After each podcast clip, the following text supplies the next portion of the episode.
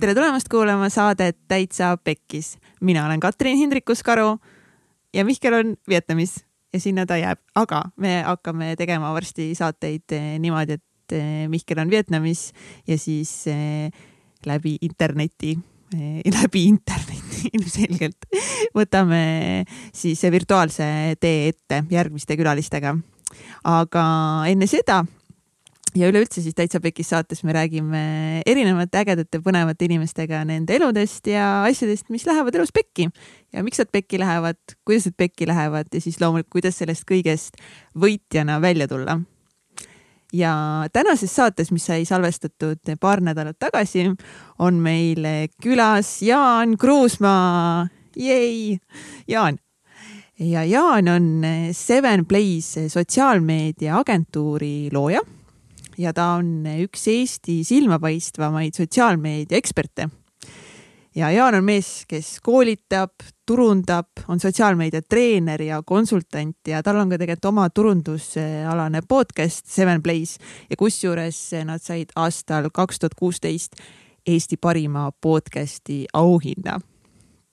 Ja vabal ajal tegeleb Jaan siis näiteks svingtantsuga ja laulab ka meeskooris ja nooremas eas on ta olnud ka Soomes kokk ja koristaja ja müünud vesipiipe, tegelenud Facebooki äppide arendusega. ja Jaani suhtumine on alati olnud selline, et kui midagi teha, siis ikka teha täiega ja all in. ja Jaan usub, et mitte keegi ei saa sind rohkem armastada kui sina ise. meil oli Jaaniga nii põnev eh, vestlus ja me rääkisime positiivsusest, suhetest, tantrast, seksist, armastusest, psühhedeelikumidest, nii paljudest erinevatest asjadest ja see oli taas nii, nii inspireeriv saade. nii et aitäh, Jaan, et sa, et sa jagasid eh, enda elu eh, meiega. ja jätkuvalt, kui see saade sulle meeldib, see saade sind inspireerib, siis jaga seda vähemalt ühe oma sõbraga ja tag'i meid ka siis Facebookis ja Instagramis ja jälgi meid igal pool sotsiaalmeediakanalites ja sest jagame armastust ja oleme jätkuvalt julged täitma enda unistusi ja võta vastu otsus, et eriti täna, et sa ei lase välistel tingimustel enda sisemist elu mõjutada. ja kui sa kuulad meid täna esimest korda, siis tere tulemast kuulama Täitsa Pekis saadet, sa oled siia väga oodatud. ja kes juhuslikult, juhuslikult, kes kuulas meie eelmist saadet, kui sa ei kuulanud, siis miks ei teinud seda, nii et mine kohe kuula meie eelmist saadet, kus me Mihkliga siis, siis rääkisime tema elust Vietnamis ja siis see, kes kuulas, see teab, et me Egertiga mõtlesime, et lisaks meie videoturundusagentuurile võiks praegu siis hakata eh, ka tegema käte desinfitseerijaid. mõtlesime siis nagu miks mitte, kasutame olukorda ära ja vaatame, mis välja tuleb.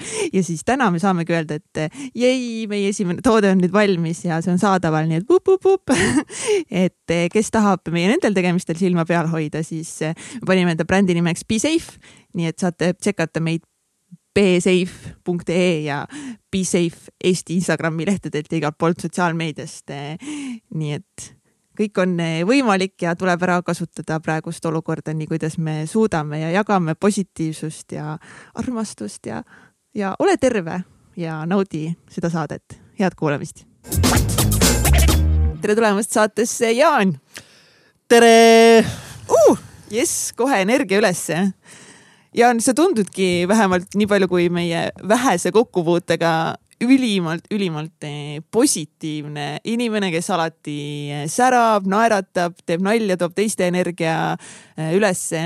kas sa oled alati olnud nagu sellise suhtumisega ja positiivne, nagu sa täna oled mm.? ma tänan sellise iseloomustuse eest. palun, võta heaks. et äh, positiivsus jah, kuidagi eriti seltskonnas tuleb see kõige rohkem esile et mul nagu äh, ma naudin seda, kui inimesed naeratavad. vahel ta tuleb ka mu iseenda arvelt, äh, aga sellegipoolest ma olen rõõmus, sest äh, naer, ma arvan, et on selline vabastav, vabastav viis ja kas ma olen alati selline olnud? pigem, pigem küll jah, on ka, ütleme, ma arvan, et kui üldse kellegi lapsepõlve minna, siis äh, ma arvan, et on vähe neid, kes saab öelda, et nende lapsepõlv on täielik lust ja lillepidu. et äh, ma arvan ka seda, et ka, ka sellist kurbust sai kogeda vanemate lahutamisel äh,. mõtlengi, kui vana ma olin, äkki kuus, viis, viis-kuus. jah, et see oli võib-olla, kui ma nüüd mõtlen kurbuse peale, mis seal peaks olema, kas on nüüd vastanud rõõmusele? okei okay,, läheb pikaks, ühesõnaga, et, et minu sees on seda kurbust ka ähm, ja, aga samas see kurbusele nagu siis äh, nagu fuck it, et äh, oli, mis oli ja, ja tunneme asjadest äh, rõõmu. kas sa vahepeal mõtled ka, et see on kuidagi võib-olla kuidagi nagu kaitserefleks või kuidagi nagu ka, et, et kui sul on nagu ebamugav, aga sa oled ikkagist alati igas olukorras nagu positiivne, et sa tunned, et siis kuidagi nagu. see positiivsus tegelikult tuleb nagu iseenesest, et see on nagu hästi mõnus, et ma nagu ei pea seda nagu sundima, aga need, vaid kõige raskem selle asja juures siis, et siis, kui ma mõnikord ei ole positiivne, siis, siis tuleks, ja tahan näiteks, olen lihtsalt rahulikult, siis inimesed tulevad kohe nagu minu juurde, issand, kas mul on kõik hästi. et see on võib-olla selle asja juures kõige, kõige raskem osa, et kui sa kogu aeg oled rõõmus ja siis vahepeal ei ole rõõmus ja siis, siis nagu kohe on nagu midagi nagu viga või ja ma no, et... nagu vahepeal nagu mõtlen ka ja olen nagu enda ette onju. siis kohe tulevad ja ma tean ja. et sihuke nagu avalik kuvand võib-olla on jah, et võib-olla liiga positiivne hmm,. liiga positiivne mm -hmm., kas sihukest asja üldse saab olla või? ma ei kujuta ette. ma ei tea, mina arvan ka, et ma olen hästi positiivne inimene. Tea, kas sa... mina olen nõus sellega. oled nõus jah ja.? Jess, thanks et ma ei tea nagu, kas saab olla liiga, ei no kindlasti ikka saab ekstre... E-, ekstreemsusesse igas valdkonnas vast minna. oled liiga positiivne ära ole nii positiivne. see oleneb ka, oleneb ka vaata vastuvõtjatest, et ma olen ka, noh, ma ei hakka, et olen ka olnud koos inimestega, kelle jaoks minu positiivsus on liiga üle voolav nende jaoks, et nad ei oska selle emotsiooniga toime tulla. ja siis äh, nende kaitserefleks on see, et aa, miks sa oled nii pealetükkiv. Ja siis äh, mina tõmban jälle tagasi ja siis jälle olen nagu ise krampis nagu, et äh, et, et siis ma olen pigem öelnud, okei okay,, see on nagu nende trip äh,. ma ei käi nagu kellelegi peale otseselt, aga, aga see, et ma peaksin kuskil nüüd hakkama ennast nagu alla, alla suruma äh,, pigem nagu mitte, et siis pigem olengi pigem ümbritsenud ennast inimestega, kes äh, suudavad mind ära handle dada, et, et, et ma arvan, et see on täiega tore. Mm -hmm. ja, aga räägimegi, lähemegi kohe näiteks sinu äh, lapsepõlve. et äh, kust sa üldse pärit oled ja, ja milline su lapsepõlv välja nägi, kus sa koolis käisid? Äh,? pärit olen Pelgulinna sünnitusmajast. Oh.. ema seest tulin välja. Super. Äh,, hea algus. jah, ja, ja, ja ja siis äh, kolisime minu see teadvuse ajal kolisime äh, Raplasse, kus ma käisin siis lasteaias ja esimesed kaks aastat, kaks ja pool aastat käisin seal koolis. sealt ma olen saanud võib-olla siukse äh, baas need attitude'id võib-olla, et kasvasin siukes nagu, mis need, noh, paneelmajades. meil oli seal, ma arvan, üks, kaks, kolm, neli, viis, sihuke nagu Rapla nurk nimega Metsapargi, ma ei tea, kas keegi kuulajatest, kui teab, siukene väike hubane koht, kus oli väike siukene nagu maja ees oli väike park, mis tol hetkel tundus metsikult suur täna, kui ma paar korda möödasin, ikka siuke väga väike koht. aga, aga nagu mingi ühendus, ma mõtlesin just, et oli metsaga olemas ja siis oli kõrval meil Mahlamägi ja meil käis sihuke rivaalitsemine seal metsas, et sihuke nagu gängielu või või, või sihuke metsaelu, et äh, seda sai nagu, sai nagu, kuidas öelda, kogetud mõnusalt, mängisime hukakat seal majade vahelt ja pätt ja politseid ja kakel, kakel, kaklesime äh.... kui sa põhikooli näiteks läksid, et kas, kas sa koolis üldse, kas sa olid hea õpilane, kuidas su hinded olid? kuidas sa üldse suhestusid äh, kooliga? mul oli kohe alguses, mul keelati, ma täitsin matemaatika töövihiku ära esimese nädalaga poole peale ja siis mul keelati ära, et ma ei tohi enam teha neid asju ja siis ma istus. ülesandeid lahendada või? jah, ja siis ma ist-, noh, et ma täitsin liiga palju ette ära. ja siis mul oli äh, jah, et tänu oma vanemale õele vist, kelle, kes on must kaks pool aastat äh, vanem, ehk siis kolm klassi vanem, siis ma sain talt alati nagu alguses nõu küsida. pärast oli see vastupidi, okei okay,, oli. et äh, ja ma mäletan, siis mul alati keelati neid asju teha, mis mulle hästi välja tuli. see oli minu jaoks nagu naljakas ja siis uh, jah, et mata oli see, mis mul väga hästi tuli või siuke, noh, said lahendada midagi, mul oli põnev ja siis keelati mingi hetk ära, hakkas igav. ja siis, kui igav hakkas, hakkasime jutustama teistega ja siis, kui ma jutustama hakkasin, saime kogu aeg märkuseid, et mu esimesed, ma arvan, üheksa aastat koolis oli siuksed uh, päevik punane vähemalt uh, korra nädalas kas sa protestisid või nagu millest see päevik punane? igav tuli? oli tegelikult, igav ja siis öö, mul ei olnud seda energiat suunata kuskile, et võib-olla seesama positiivselt ongi vahepeal see, ma olen täna õppinud seda nagu kontrollima ka, et öö, ma tean, et mul ongi siuksed nagu energiapuhangud, et nagu täiega davai, teeme nüüd, aga ma pean noh, ma pean ka teadvustama, et see ei ole nagu see ei ole nii, nagu kõik teised tööd teevad, ehk kui ma teen koostööd, siis ma pean aru saama, et noh, mina suudan võib-olla mingi hetk nagu rohkem, aga jälle ma ei suuda nii pikalt seda äh, üleval hoida. et siis ma teengi nagu sundpuhkuseid, näiteks lähengi lihtsalt äh,, teised teevad tööd, ma lähen istun kuskil näiteks pool tundi, panen tükk, noh e, tühja mõnes mõttes, aga see noh, ma teen selle jälle järgmise ajaga nagu tasa, et see on minu tööstiil. või noh, kuidas mina oma energiaga nagu toimetan ja ma arvan, et see ei olegi sihuke standardne võib-olla ja noh, kool on loodud ju, et kõik teevad ühtemoodi enamasti asju, et siis äh, läbi, läbi elu on mul olnud väga suured raskused tegelikult äh, koolis äh, äh, õpetajatega koostöö või üldse, et sihuke nagu, et koostöö tegemine võib-olla. aga et sind, kas sa tundsid ka, et sind surutakse nagu kuskile mingisse raami või sul ei lasta olla nagu sina, sina ise, et sa pead olema nagu teist, nagu teiste sarnane. jah, et see, et see, mis ma olen, see ei ole nagu sobilik. aga siis ma nagu, kui see on see, mis ma olen ja see on sobilik, noh siis nagu fuck you pigem, eks ju. teine väär, teine äärmus oleks olnud see, et ma siis oleks äh, selle ultra rõõmsuse asemel ultra masenduses võib-olla kuskil, et ma kogu aeg mõtlengi, et ma olengi, mul ongi midagi valesti, eks ju. aga mis asju sa tegid seal eh, koolis, et su päevik nii punaseks eh, läks, kas sa nagu kuidagi ma ei tea, ma ei mäleta, mille kõige lihtsam on võib-olla jutustamine, aga siukene võib-olla vahetunnil ka siuke äh, lolluste tegemine, midagi, ma mäletan, et kuidas siis õpetaja mõtles, et see on hea viis nagu mind rahustada, oli see, et ta pani mind siis istuma koos tüdrukutega. ja alguses tema arvas, et see võib olla minu jaoks karistus, minu jaoks oli see just nagu kõrgendus et sind, sind premeeriti selle käitumise eest veel nagu veel rohkem. jah, et, äh, et samas äh, noh, et, et minu huvi tüdrukute vastu on olnud juba varajasest east et, et pole nagu, tüdrukud ei ole, noh, mõne jaoks võib-olla tundub, ma ei tea tegelikult, kuidas see käib. ütleme, mõne jaoks võib-olla rõve, mina nautisin seda. mõne jaoks jah, võib-olla nagu ebamugav situatsioon või kus sa olid nagu mingi davai, this is my jam. täiega nagu ja, ja siis see veel omakorda küttis, eks ju, üles, et tahad veel nagu esineda naistele ja, või noh, et seal suhted ja siis on seal sõbrad kuskil kaugemal, et huvitav jah, ma ei olegi seda väga nii, polegi selle peale detailsemalt mõelnud, kui et lihtsalt mälestusi, et aa jaa, palju sekeldusi, aga miks need olid, et. aga kuidas sul hinded muidu olid, olid...? hinded olid viied või kahed emb-kumb mis need kahed olid? kahed olid kas siis äh, täitsa õppimata või olen puudu, olin puudunud näiteks ja siis mõtlen, mis mul halvasti oli.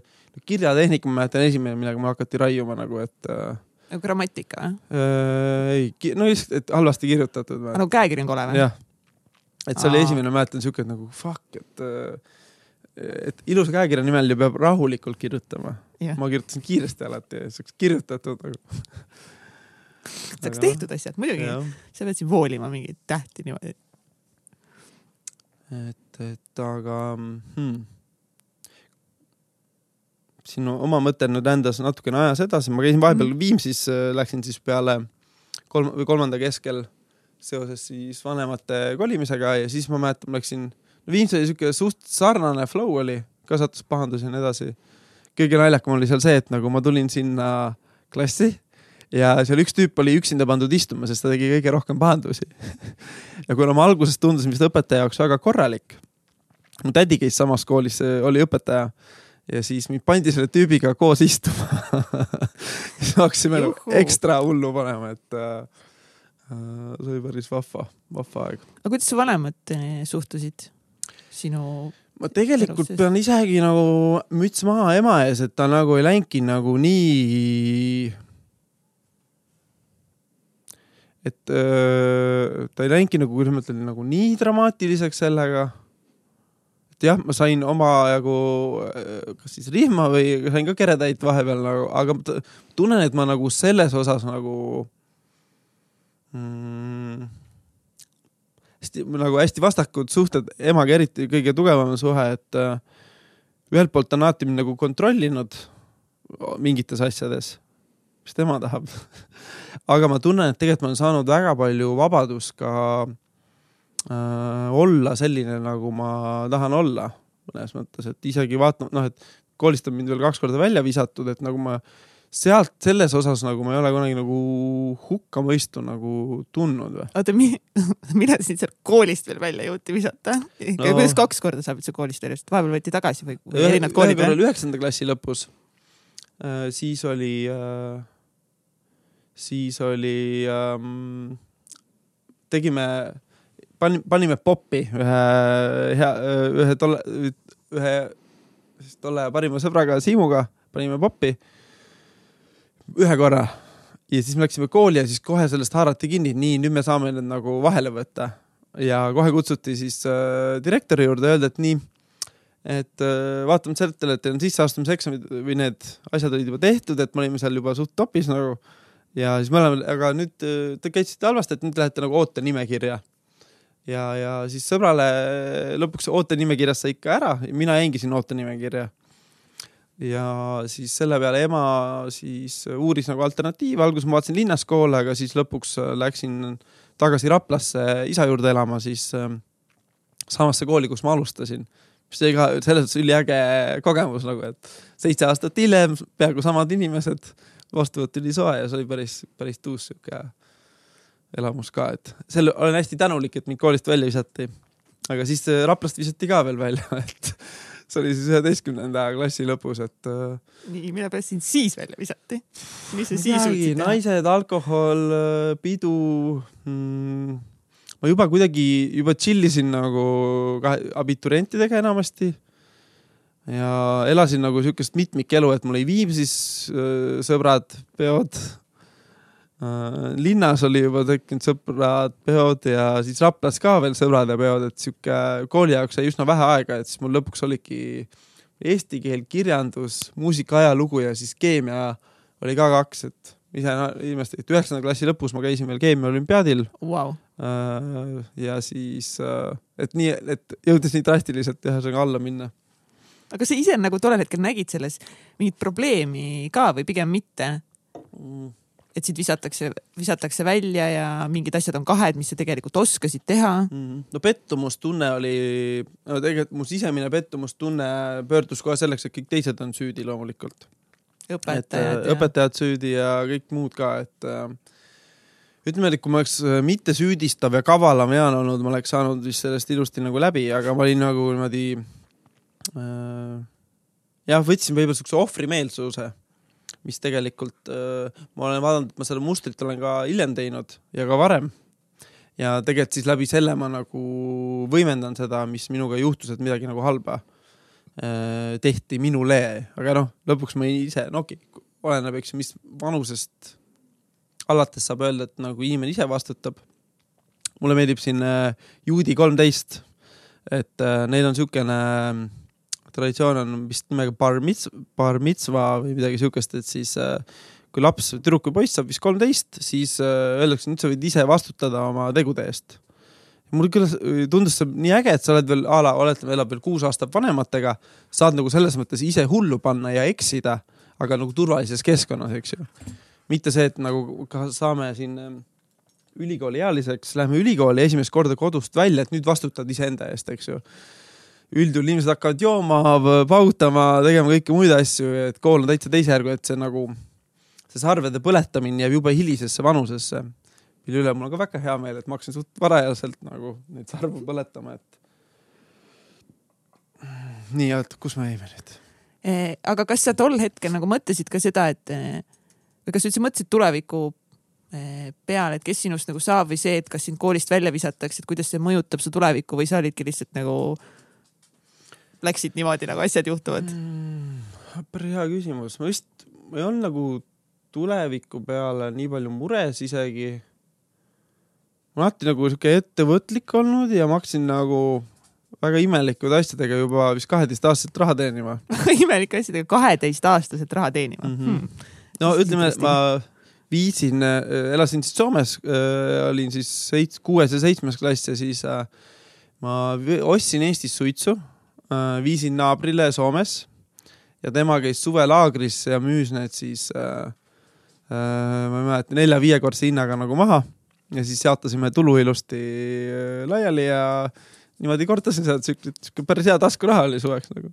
kust eh, sihuke idee üldse tuli, kas sa võtsid kellegi šnitti või kuidagi lihtsalt arutasid sõpradega, et kuule, et kuidas raha teenida? päris hea point, sest tol hetkel iga eestlane, kes tuli Soome, noh, meil käis, meiega kas käis külas keegi või kellegi kaudu, et äh, ähm, mäletan, mingi hetk mul oli pass, mis oli otsast lõpuni Soome templeid täis. aga see oleks, et äh, iga eestlane, kes tuli Eestist Soome, tõi alati alkoholi ja tubakat kaasa.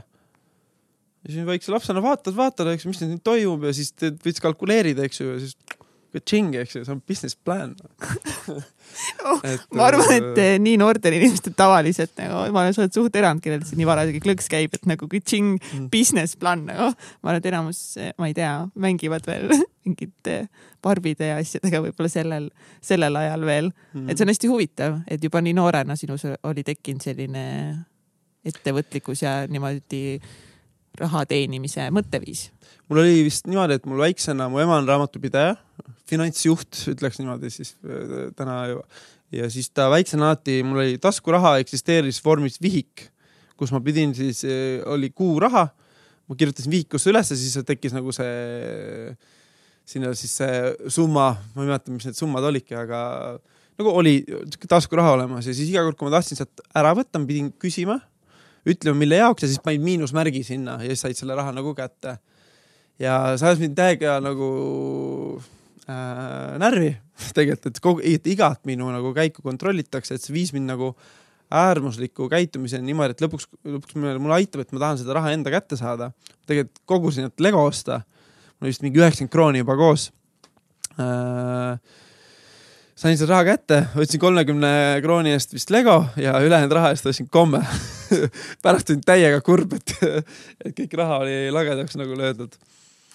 et, et äh, ja, ja siis ma olen alati leidnud, proovin nagu leida erinevaid võimalusi raha teenimiseks või saamiseks, et äh, ise nagu seda saada, et mitte keegi kontrollib seda, et kas ma saan korra kuus palka, minu jaoks tundub nagu ootan, no ma ei tea, et minu, et kuupalgaga, ma ei tea, see on vist äh, keegi ütles, toreda ütles, et on kaks kõige sõltuvamat tekitavat asja on, üks on äh, heroiin, teine on kuupalk.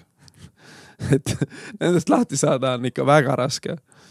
täiega raske Ma- ma seda heroiini poolt ei tea, aga, aga, aga palgatööga jaa, väga, on küll jah hmm.. et äh, minu arust ise tegingi, ma olen palgatööd tegin keskkooli ajal ja peale keskkooli natuke, et neli suve olen käinud äh,, käisin Soomes tööl, Eestis tegin natukene neid äh, vist Õllesummeril ja kahel Õllesummeril müüsin vesipiipe ähm,. universaaluniversumi tegin, see oli minu esimene töökoht, kõndisin universaali, ütlesin, ma tahan tööd. ise kõndisid sinna, arvasid, et see on nagu sihuke äge koht, kus töötada või? jah, kuidagi ma ei tea, miks tundus nagu, et või tol ajal ma müüsin vesipiipe ka juhuslikult. ja siis ähm, mm, jalutasin sinna ja tegin tööd ja selle palga eest ostsin endale vesipiipe ja tubakat ja sütt juurde, müüsin maha ja siis ostsin juurde ja korralik ettevõtja ikka juba, juba noorest, noorest peast. oota, mis sa seal Soomes, mis tööd sa Soomes tegid? Soomes ma olin esimene aasta olin öö, lao ja rekkajuhi abi põhimõtteliselt. no öö, lihas tööjõud lihtsalt. toores, järgmine aasta sain, olin terve aeg laos. Loopisin öö, ka kaste ja igast muid asju ja siis õppisin ka tõstukiga sõitma, mis oli täiega fun ja mõnikord ka igast huvitavaid õnnetusi, et sul mingi hunnik öö, neid öö, Sony käsikaameraid lendas järsku latakiga, noh, korjad kokku ja ki- kindlustus on peal ja kui pärast tuleb mingisugune häda, et siis makstakse kinni, et. ja siis, sest järgmine aasta läksin äh,, see esi- üks oli siis lennujaama vaheladu, kolmas aasta läksin Kotkasse. Nagu Pärnu on vale selle kohta öelda, aga sihuke nagu sadamalinn, Sillamäe äkki või? Eestiga võrreldes, ütleme, et sama kaugel kui Pärnu, aga siis äh, mm, seal tegin alguses ka laotööd ja siis meid kutsuti, Nõbuga koos olime niimoodi, tema sõit, oli ka ühel lao otsa peal ja siis meid kutsuti ühte restor-, enne restorani avamist kutsuti restorani äh, terrassi muru kitkuma. no sihuke tead kivide vahelt nagu kitkud seal ja siis äh, nagu parem ikka kui laos, eks ju, päike paistis ja siis äh, nädal aega tegime siukest, no kõiki mingeid sibitöid, mis äh, pidi seal nagu tegema. ja siis küsiti, kas me tahame tulla äh, merepäevad olid seal, Kotka merepäevad äh,, mis päris haige sündmus, aga päris äge. siis äh, äh kutsuti nõusid pesema sinna, siis pesime nõusid ära, Nõbul oli nii hea töö, et tema läks oma töö peale tagasi ja mind siis öeldi, et kui me tahame jääda nõudepesijaks edasi ja siis jäingi hoopis sinna ülejäänud aja.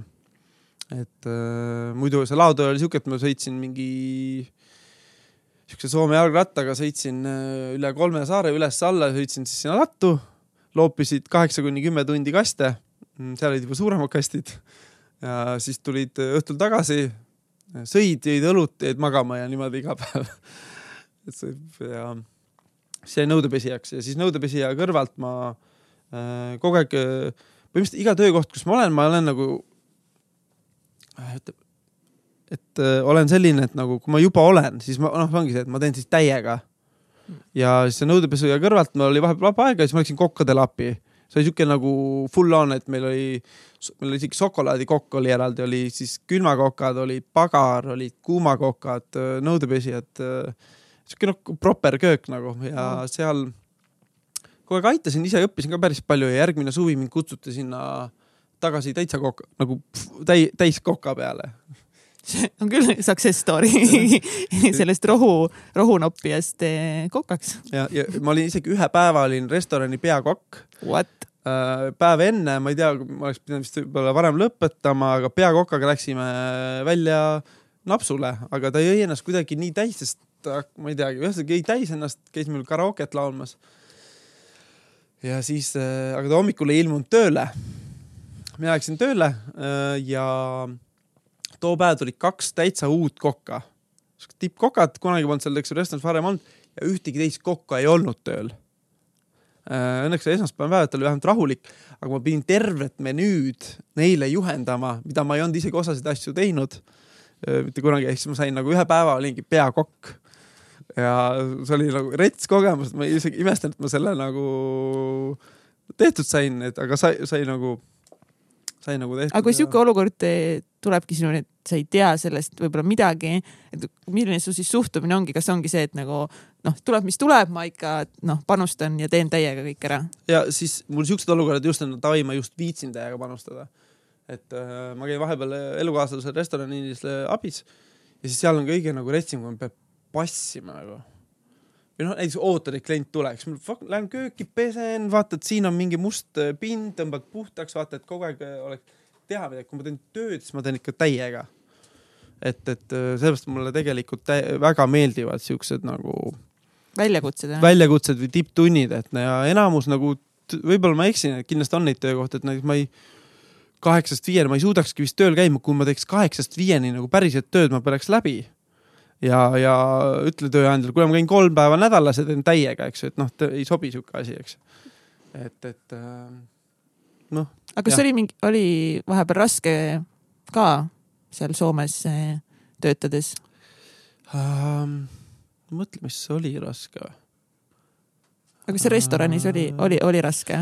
oli jaa, see oli jõhkrad päevad olid mõnikord nagu jõhkrad päevad ja ma, aga seal ma kuidagi, mul oli nii rets palk seal tolle aja kohta et ma olin selle õlleka palk, mul oli siis äkki äh, nelikümmend krooni tund või kolmkümmend krooni tund ja seal ma sain järsku sada viiskümmend kuni kolmsada eurot, kolmsada krooni tund, sest ütleme siis kümme kuni kakskümmend euri tund, vastavalt sellele, mis nädalapäev oli, palju ma tunde tegin.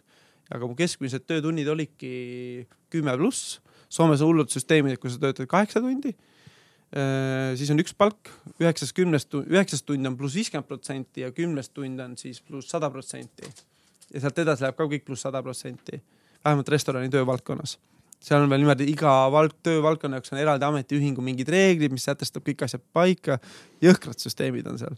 tööandja Soomes olla, no pff, tule taevas appi nagu, ma elu sees ei viitsigi siukest pulli teha aga miks sa arvasid, et sa pead nii palju tegema seal seda tööd või kas sul oli mingi kindel siht, oligi see, et ma tahan selle periood nagu raha teenida?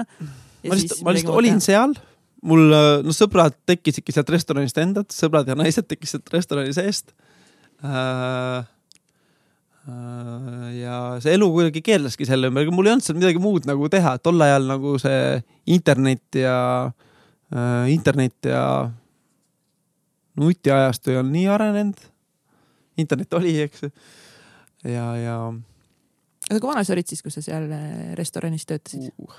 hea küsimus, äkki üheksateist, kakskümmend millalgi, ma ei mäletagi täpselt, no neli suve kütsin seal ja siis see viimane suvi ma olingi, et mul juba oli põhimõtteliselt, et äh, naersingi, et mul oli seal mingid juba sõbrannad tekkinud äh,, sõbrad äh, ja siis see peakokk ütles ja, ja siin on see Coca-Cola oleks olnud põhimõtteliselt nagu sealsamas restorani nagu mere või see jahtklubi äh, restoran ja siis seal kõrval oli siuke suur mägi, selle otsas oli see Coca-Cola.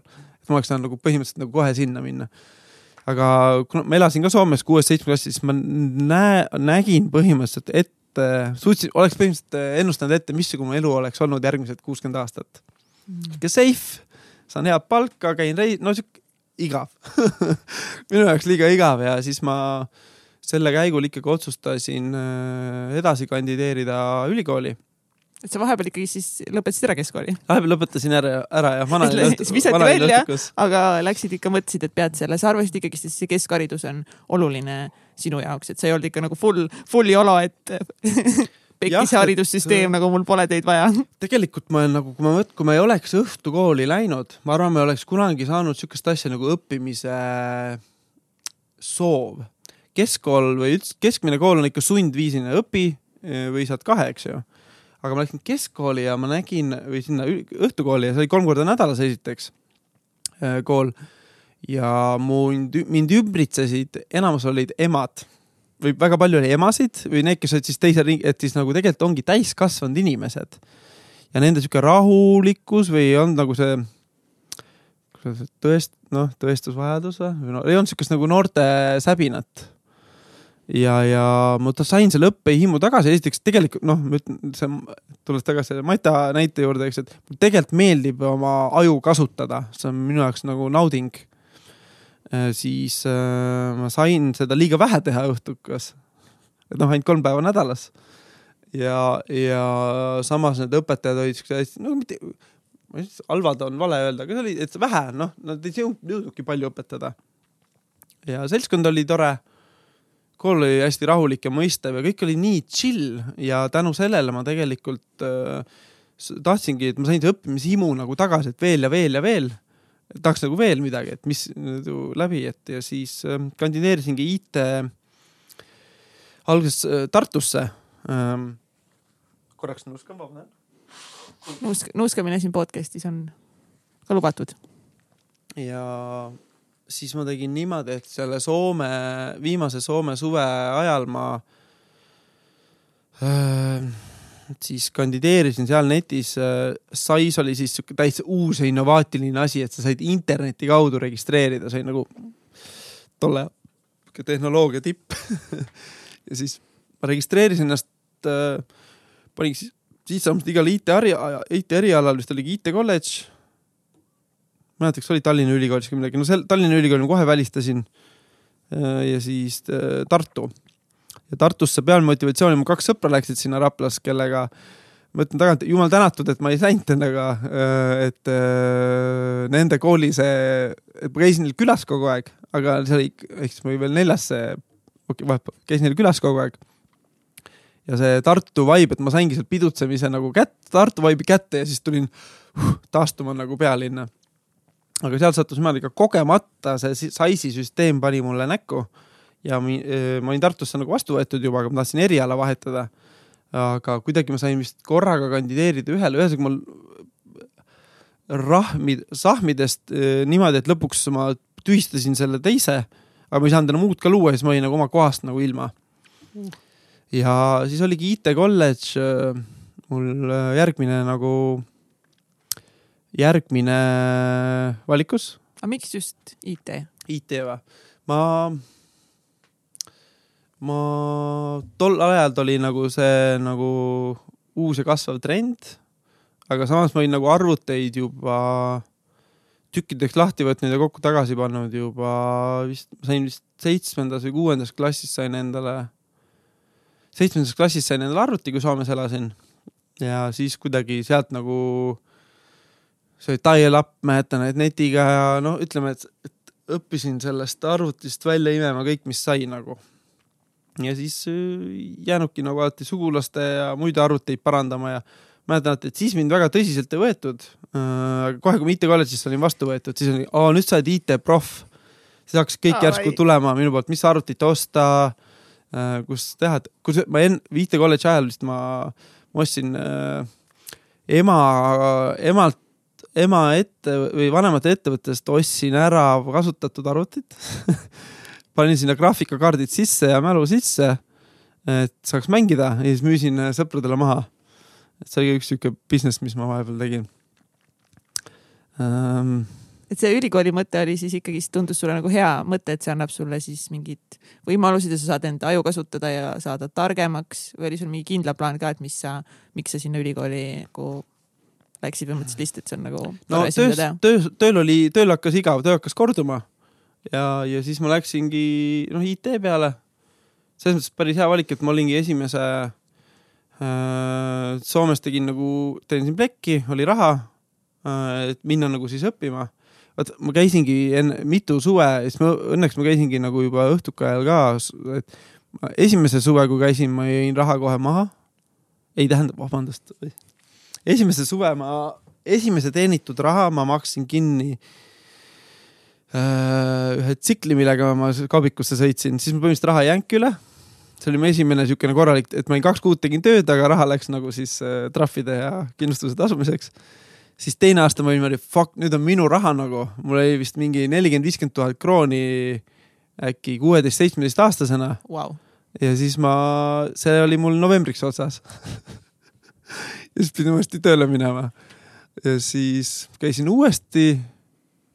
ma arvan, et üks aasta ma isegi hoidsin vist normaalsemini seda, aga siis see kõige viimane aasta jah, mul läks siis ülikooli peale. ülikoolis, siis veel maksis äh, haridus, et meil vist kakskümmend tuhat äh, krooni oli semester. ühe maksid mul vanemad, teise maksin ise ja siis kolmand-, kolmandasse sain juba siis äh, tasuta õppele ega ma jube palju räägin, kuidas tundub praegult super, sa peadki palju rääkima, see on sinu podcast mm. sa oledki täna kutsutud siia selleks, et sa räägiksid hästi palju. mõtlen, kas ma siin mingeid pointe saan ka välja noppida või iga kuulaja saab ise otsustada. iga. kuulaja, ma arvan, otsustab ise, ma arvan, et sa ei pea selle pärast muretsema. võib-olla see nagu.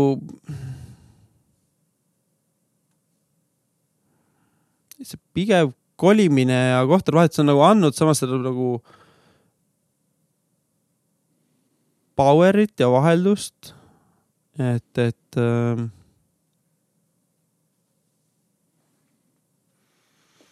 et ma arvan, et siiamaani, täna ma tunnen tegelikult ennast rahutuna, sest ma olen juba, ma olen nagu nii pikalt olnud sotsiaalmeedia äh, valdkonnas nagu tegev, et tegelikult ma tahaks täiesti midagi muud teha.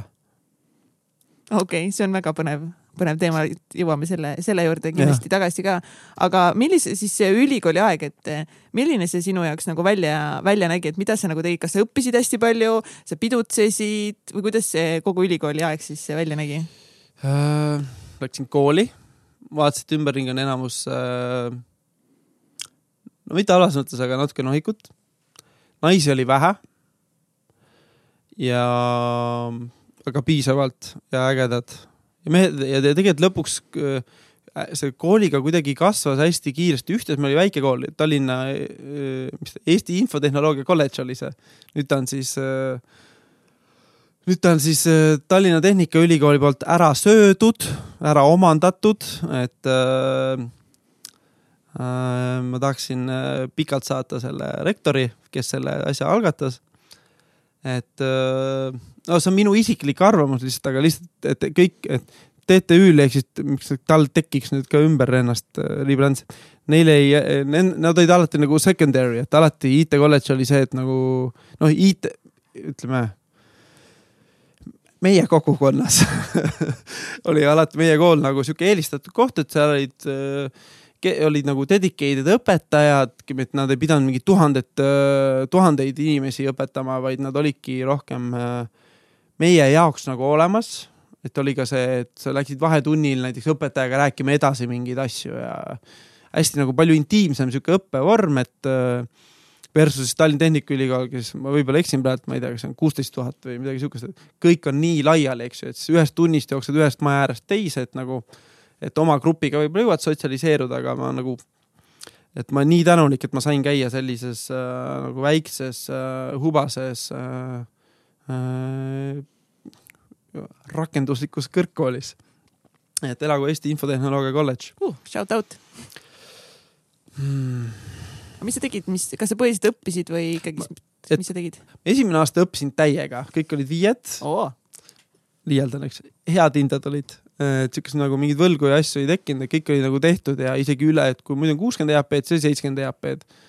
siis tulin tagasi, siis peale esimest aastat läksin äh, sõjaväkke.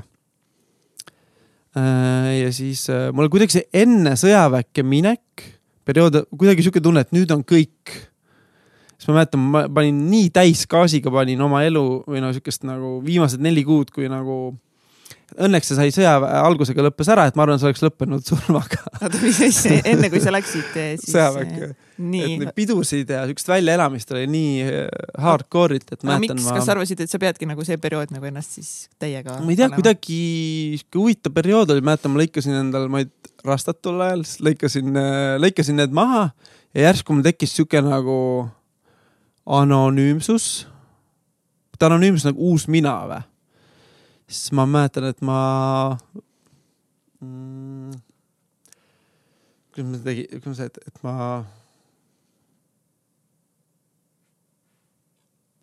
võib-olla siukest teemat, millest väga ei taha rääkida, aga no ütleme niimoodi, ma tol ajal mõtlesin, et on hea idee, et oma siukest eluviisi või no raha, no ütleme, et ülikooli ajaga nagu rahastada, et ma müüsin kanepit Äh, selle raha eest ma rentsin endale, mäletan, rollerit, oli mõnus ringi paugutada ja, ja elasin siis äh, nii nagu soovisin.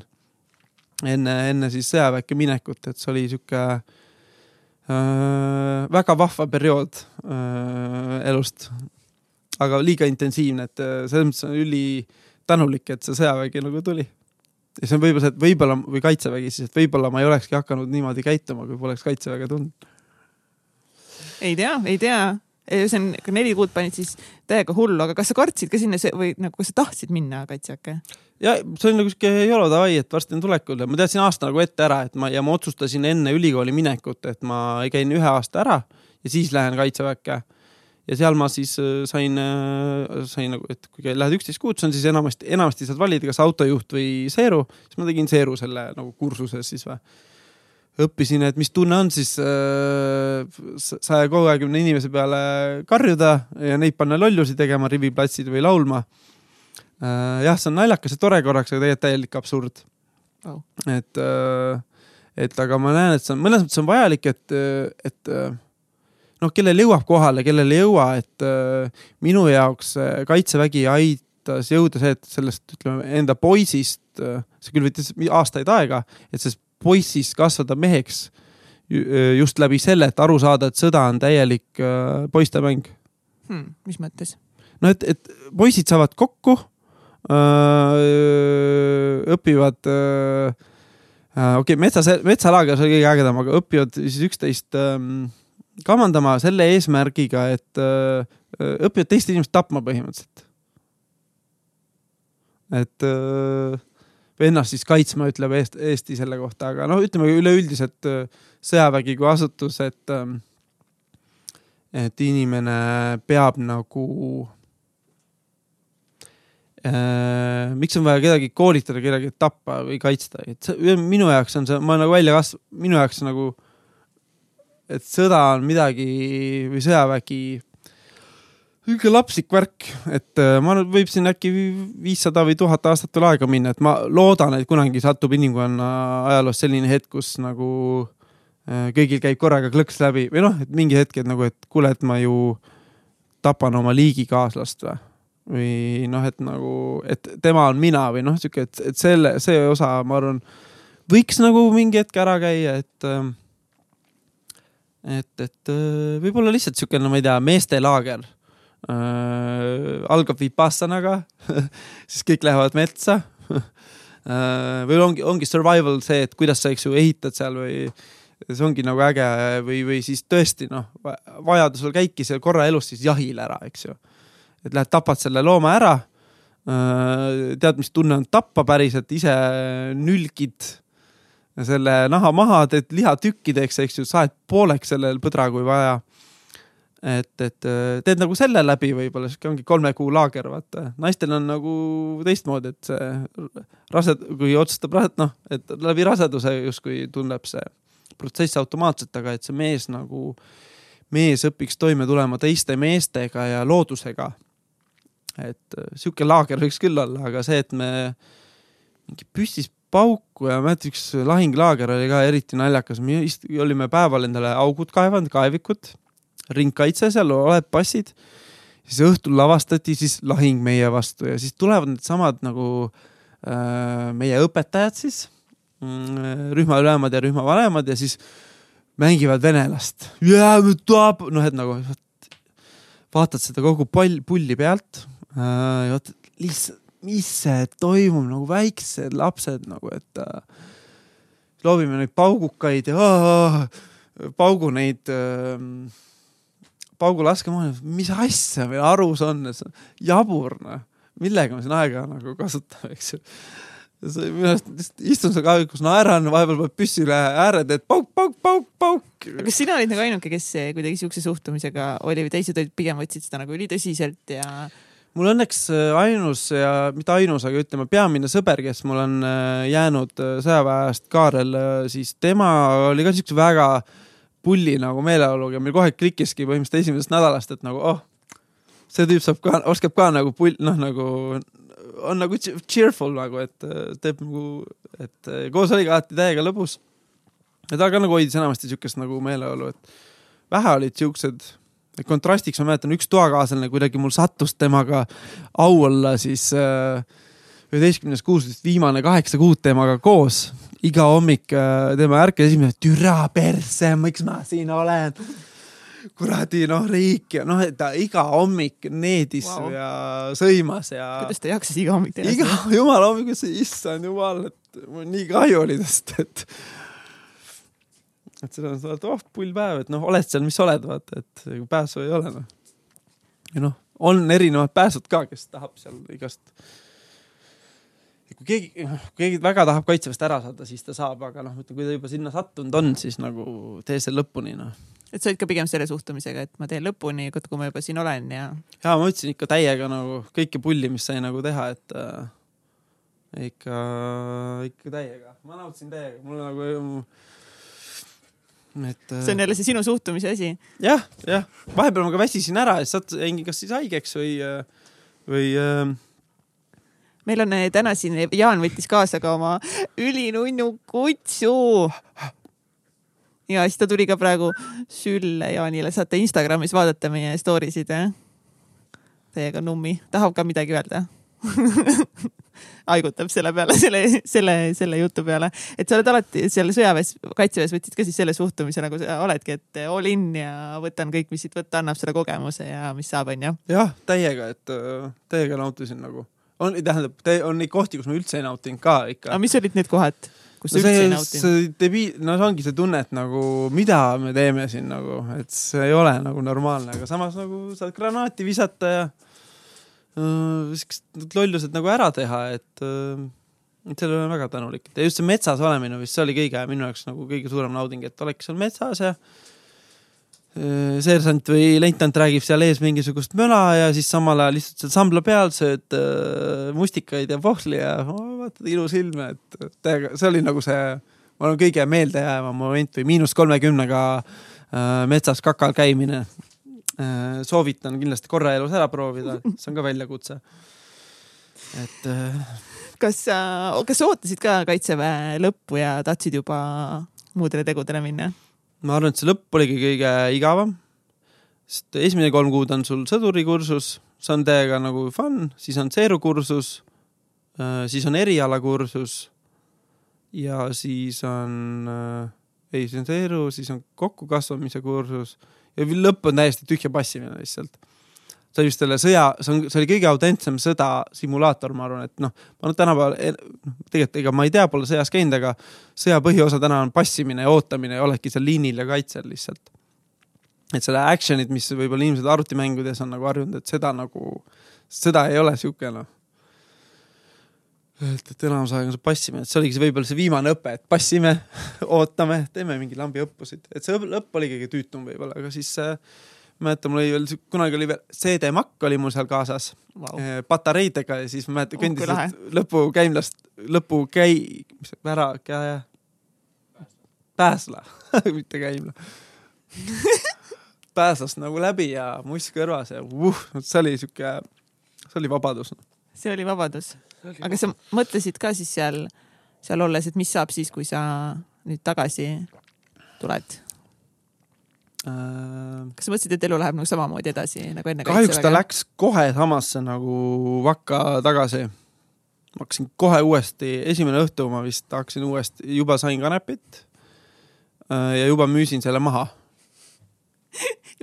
juba läinud kohe, ega siin on kiir-, kiir-, asjad peavad kiiresti toimuma, no ei ole siin mingit ootamist. väga imelik oli jah, et kui ma nüüd praegu peale, et see oli nagu natuke totter, sest ma veel sattusin nagu sellesse tsüklisse või mugavustsooni tagasi. Aga see oli vist elu esimene suvi, mis ma võtsin äh, nagu vabalt, võib-olla oligi viimane lausa, kus ma kolm kuud nagu ei teinud mitte midagi äh,. olingi Viimsi rannas, müüsin kanepit, mokatubakat ja chill isin lihtsalt see vist esi-, jah, et esimest korda nagu, et enne seda ma olin noh, neli suve tööl käinud ja, ja kuidagi no eelmised suved alati nagu vanematega kaasa tolkunud nagu kas kuskil või. Kas sa siis ei said olnud aru, nagu- et eh, this is life või? see oli tõesti nagu mõnus, aga siis see kuidagi andis, siis läksin kooli tagasi, teine aasta siis ma õppisin tarkvaraarendust ehk programmeerimist. ja siis ma sain aru, et äh, see ei ole see, millega mina soovin tegeleda, et miks mitte? hommikust õhtuni arvutisse koodi kirjutada ja siis võidelda selle üle, kus see semikoolon kurat käis. Et äh, ja, ja äh, aga noh, mul oligi see vaja nagu teada, et ma sain sõjaväes nagu inimesi juhtida ja nendega koostööd harjutada äh,. nii halvas kui ka heas. vabandan kõikidele oma sõjakaaslastele, kellele ma tegin liiga. ja, ja kui tegin ei tea. et, et aga ma arvan siis ma kuidagi kohe peale seda siis hakkasin kõik projektid, mis tulid. IT kolledž jälle innovatsiooniline, meil oli, lubati hästi palju projekte teha niimoodi, et sa ei pea olema seal nagu konkreetselt arendaja. ja siis ma hakkasingi ise ideid välja mõtlema, teeks siukse mängu või teeks siukse tarkvara ja hakkasin ise tiime nagu sebima, meil isegi läks vist nii kaugele, et ma oleks võinud isegi lõputöö teha mitme peale aga ma täna, täna ma ei tea, kuidas see on, aga et a la üks ongi projektijuhi roll, et sul ongi vaja tegelikult IT-maailmas ei ole niimoodi, et üks, kõik noh, on vaja nii palju erinevaid rolle. ja, ja kui sa juba kooli ajal saad neid nagu rolle nagu mängida või arendada endas, et siis see on väga nagu oskuslik, et ongi inimesed, kellel see koodi kirjutamine nagu mäletangi mu äripartner äh, Taavi Ilves, et äh, kes siis võttis mult viimasegi isu maha üldse koodi kirjutada äh, et asjad, mis mina tegin, nädal aega pusid ja näed vaeva iseseisvalt ja siis tuleb mingi tüüp teeb prrrr, tehtud nagu mingi paar rida koodi.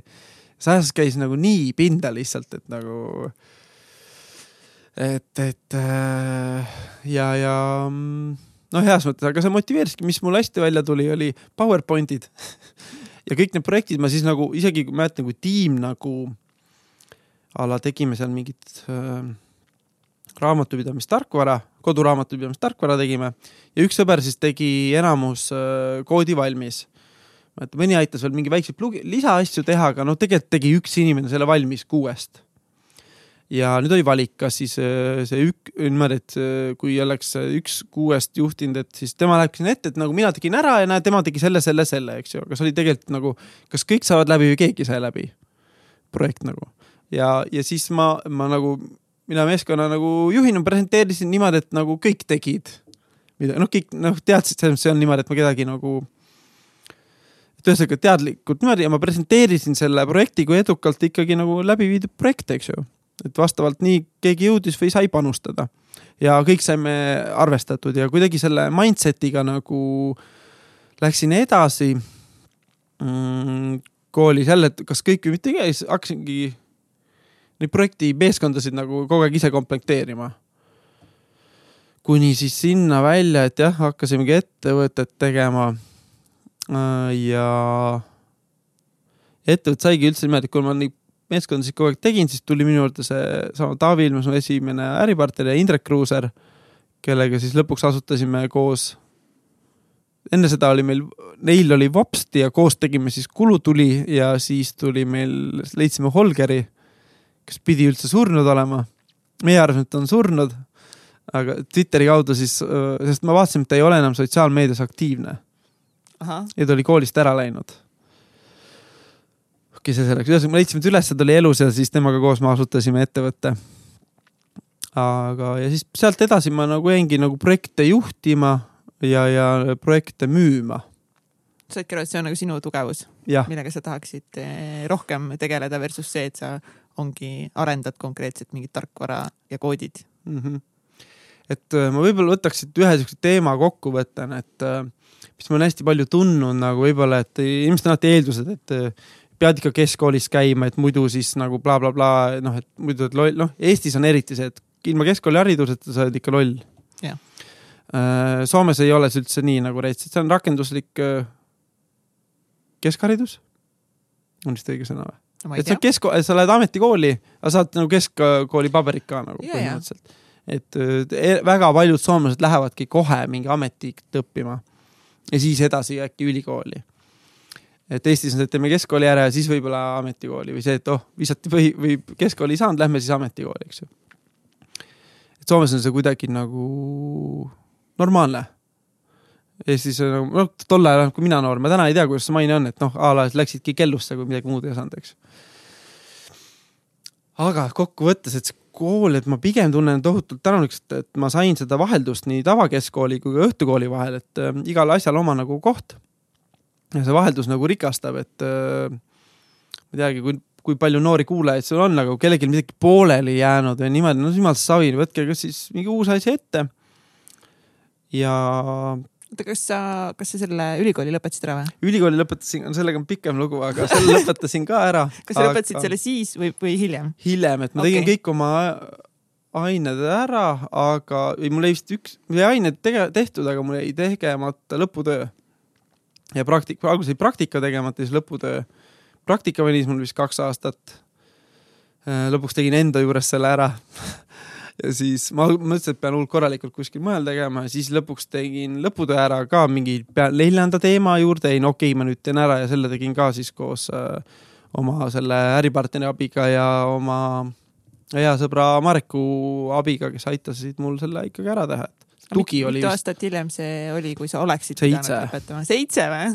seitse aastat hiljem. ja oligi viimane äh, IT kolledži lend. jah yeah? Mis üldse lõpetas, saime veel Estonias ilusti lõpetada. Ja siis muudeti see Tallinna Tehnikaülikooliks. aga miks sa üldse arvasid, et sa pead selle siis ära lõpetama? tead, see vaimne pagas, mis seal oli, see oli metsik jõhker, lihtsalt aastaid kogu aeg lükkada edasi ja oli veel noh, üks on see rahaline pool, et sa iga aasta maksid uuesti, ma nüüd teen ära, ma nüüd teen ära.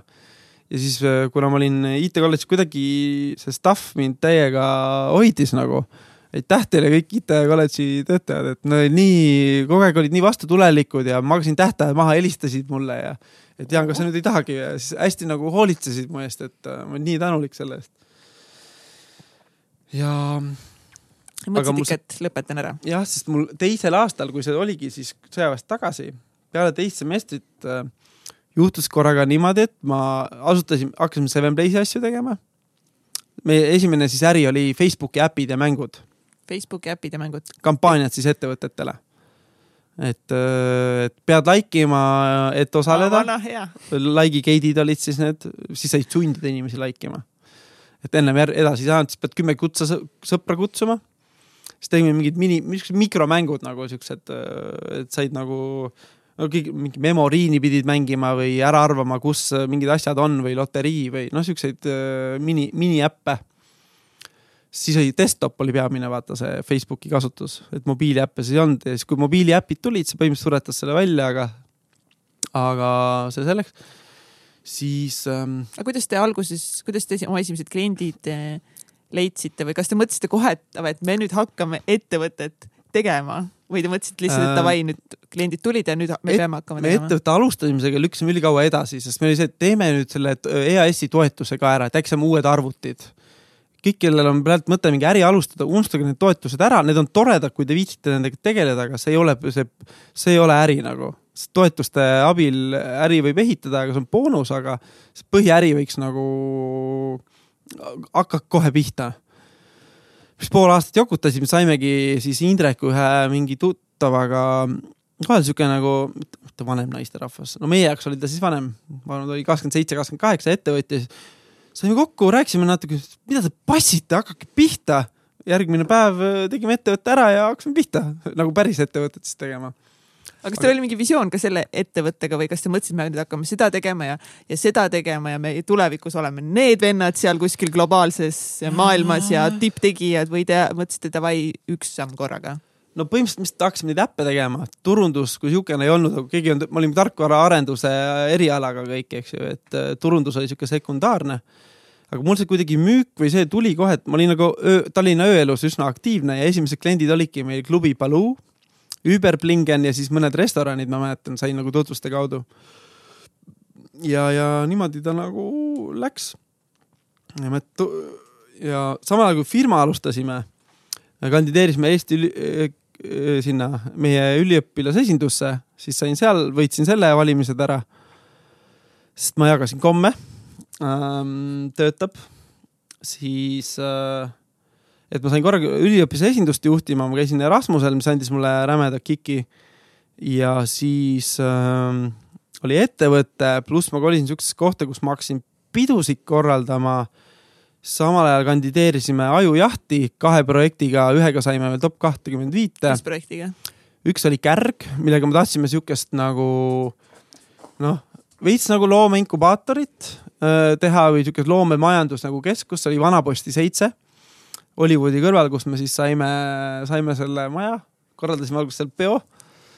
siis korraldasin Ollikas pidusid, koolile pidusid äh, peo, ma imestangi nagu, et kuidas ma nii palju nagu jõudsin. jah, kuidas sa jõudsid? kohe küsimus järgmine, kuidas sa jõudsid? ma noor ja loll, et ei olnud üldse siukseid nagu, mäletan, et klientide sevim ka, ma lihtsalt jalutasin kontoritesse sisse ja müüsin, et nagu wow,. sul nagu... ei olnud nagu hirmu või sa ei mõelnud nagu üldse selle peale, sa lihtsalt läksid ja tegid, onju? jah, et nagu ei olnud nagu midagi nagu kaotada või nagu oli nagu fun või äge või siuke põnev oli. täna ma palju rohkem põen, et mida inimesed minust arvavad, et äh, tegelikult see nagu mainekujundus, et ma vahepeal mõtlengi, et äh, ma nagu mingi nagu maine kujundan nii enda peas, mis on veel kõige hullem ja siis inimeste seas, eks ju. et, et äh, siis osad nimetavad sotsiaalmeedia guru, eks ju, siis on ikka, mida kuradit, noh, tegelikult et, et äh, ma tean nii palju, et ma tean, et ma tegelikult ei tea ülipalju ka. ja see ongi kõige haigem see, et ongi, mida rohkem sa nagu tead, seda rohkem sa saad aru, et sa ei tea mitte midagi. vaata, kui sa oledki nagu noor, nagu sina olid selle jalaga ukse lahti ja mingi siin ma olen ja mingi teeme ja sa nagu ei mõelnud asju üle mm. -hmm. mul on ka tunne, et me hakkame mingi hetk nagu hullult genereerima asju enda peas nagu jõhkraks mida rohkem me nagu õpime kogeme et minu arust see teie saade on eriti hea eeskuju minu arust, et kuidas minu arust sinu see äh, no ma nii, nii palju ei tea, ma eeldan, et no,, et, et see et see nagu a la, et sa ei ole turundust õppinud äh, viis aastat ja kuidas nüüd teha brändi ja nii edasi, vaid sa nagu oma tunde järgi lihtsalt hakkasid nagu tegema ja sellest on nagu nii äge värk välja kasvanud, et. Äh, ja, ja, ja nii oligi. ähm, ja, ja räägitakse igast turundust, on igast turundusteooriad, psühholoogiateooriad, nii edasi, et jah, see ka. aga mina täna nagu sotsiaalmeedia turundus coach'ina kõige rohkem keskendun sellele, et minu klient hakkaks usaldama oma sisetunnet. et mitte mingeid teooriaid või äh, näe, nemad teevad nii, et nii on kõige õigem ähm,. loomulikult ka noh, seda teooriat ka juurde, aga just see, et usalda oma sisetunnet kõige rohkem. et see on see, ma arvan, nagu kogu turunduse või eriti sotsiaalmeedia turunduse võti, et kui sa teed seda oma sisetunde järgi nagu see, et mis see, mis see, mis see tähendab? no et äh, mis pilte või mis postitusi või mis pakkumisi või mis stiilis kirjutad või mis kujundus, et kõik seda, et usaldada oma sisetunnet, ma arvan, see on kõige nagu raskem osa tänapäeva maailmas, sest infot on nii palju, et noh, et esiteks, mis siis see õige on. et, et sellesse, see sisetunde nagu usaldus, et võib-olla see see, et igalt poolt välja visatud mind ja muud, et see ongi mind nõudnud lõpuks ise hakkama endaga saama ja nagu nõudnud seda sisetunde usaldamist, et muidu lihtsalt nagu ei ole, ei ole seda teist tunnet, et nüüd kool ütleb või see ütleb, mis on nagu õige mm. -hmm. et ma pean nagu ise nagu määrama selle, mis nagu õige on. ja täiega nõus, selles mõttes, et sa ju ka ei ole ju otseselt ülikoolis turundust õppinud. see on kõik järel niimoodi, ma siiamaani mõtlen, et kas ma päriselt nagu oskan turundada või saan aru üldse, mis nagu toimub, et äh, et, et ähm, kogu aeg on, on aeg-ajalt siuksed kõhklused küll nagu, aga taas iga kord, kui ma oma sisetunnet jälle usaldan, siis jälle läheb väga hästi nagu. aga kuidas nagu usaldada seda sise või kuidas sina näiteks enda sisetunnet usaldad?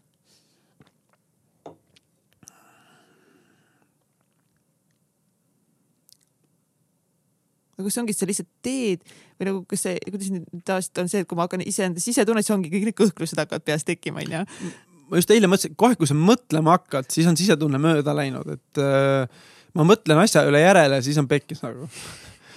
et, et see minu arust esmane nagu vastus, mis tuleb, et sellepärast need podcast'id on ka nii ägedad. juhus, et ma teen ka podcast, et ma, et, kes et, taustaks, et ma teen ka podcast'i ja seal ma panen ka inimesi, inimesed, kes tulevad, et näiteks ka praegu, et ma nii palju ei mõtle selle peale, mis ma ütlen, vaid nagu sisetunde järgi proovin välja öelda seda, mis tuleb mm. -hmm. ja, ja ma näen, et need külaliste puhul ka, et äh,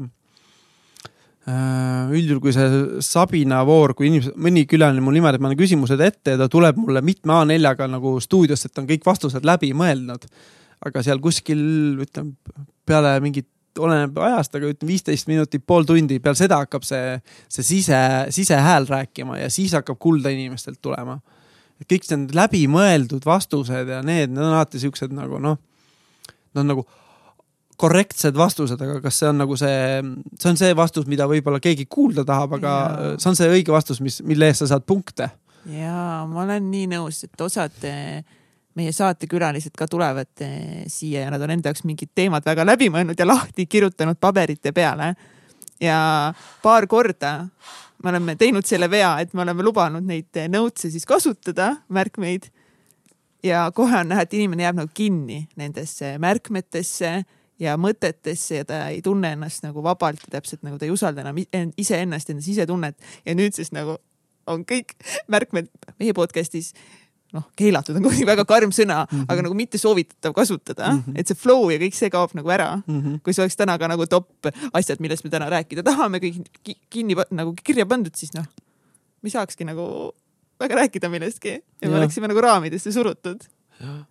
et see jah, enda usaldamine, ma siiamaani teen nagu, ma arvan, et põhiline töö iseendaga on et ennast usaldada, enda valikutes nagu kindel olla ja kõige raske, kõige raskem osa võib-olla on üldse valikut nagu langetada. et äh, kõige sihuke naljakam näide võib-olla, mitte naljakam, vaid toredam näide mu enda elust on möödunud augustil äh,. mul oli siukene mm,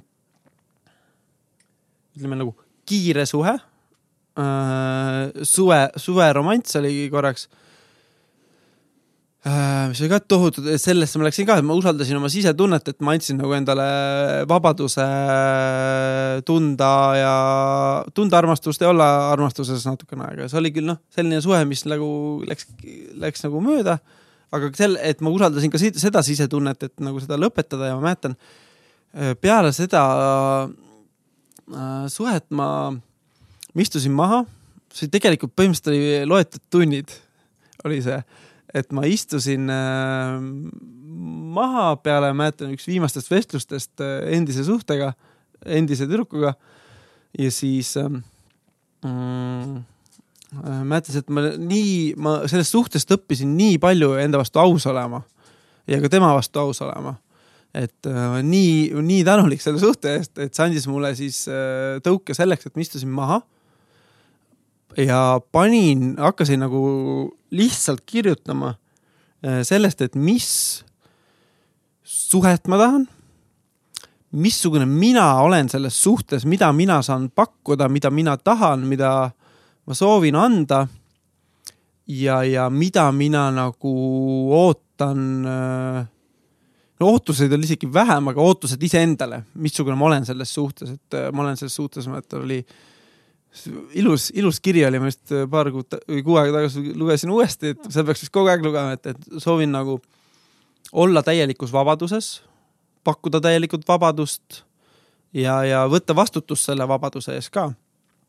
et, et, et kõikide emotsioonide väljenduse ees, et mitte ainult oma positiivset poolt, vaid ka oma sihukest varjukülgi nagu näidata nii, nagu nad on.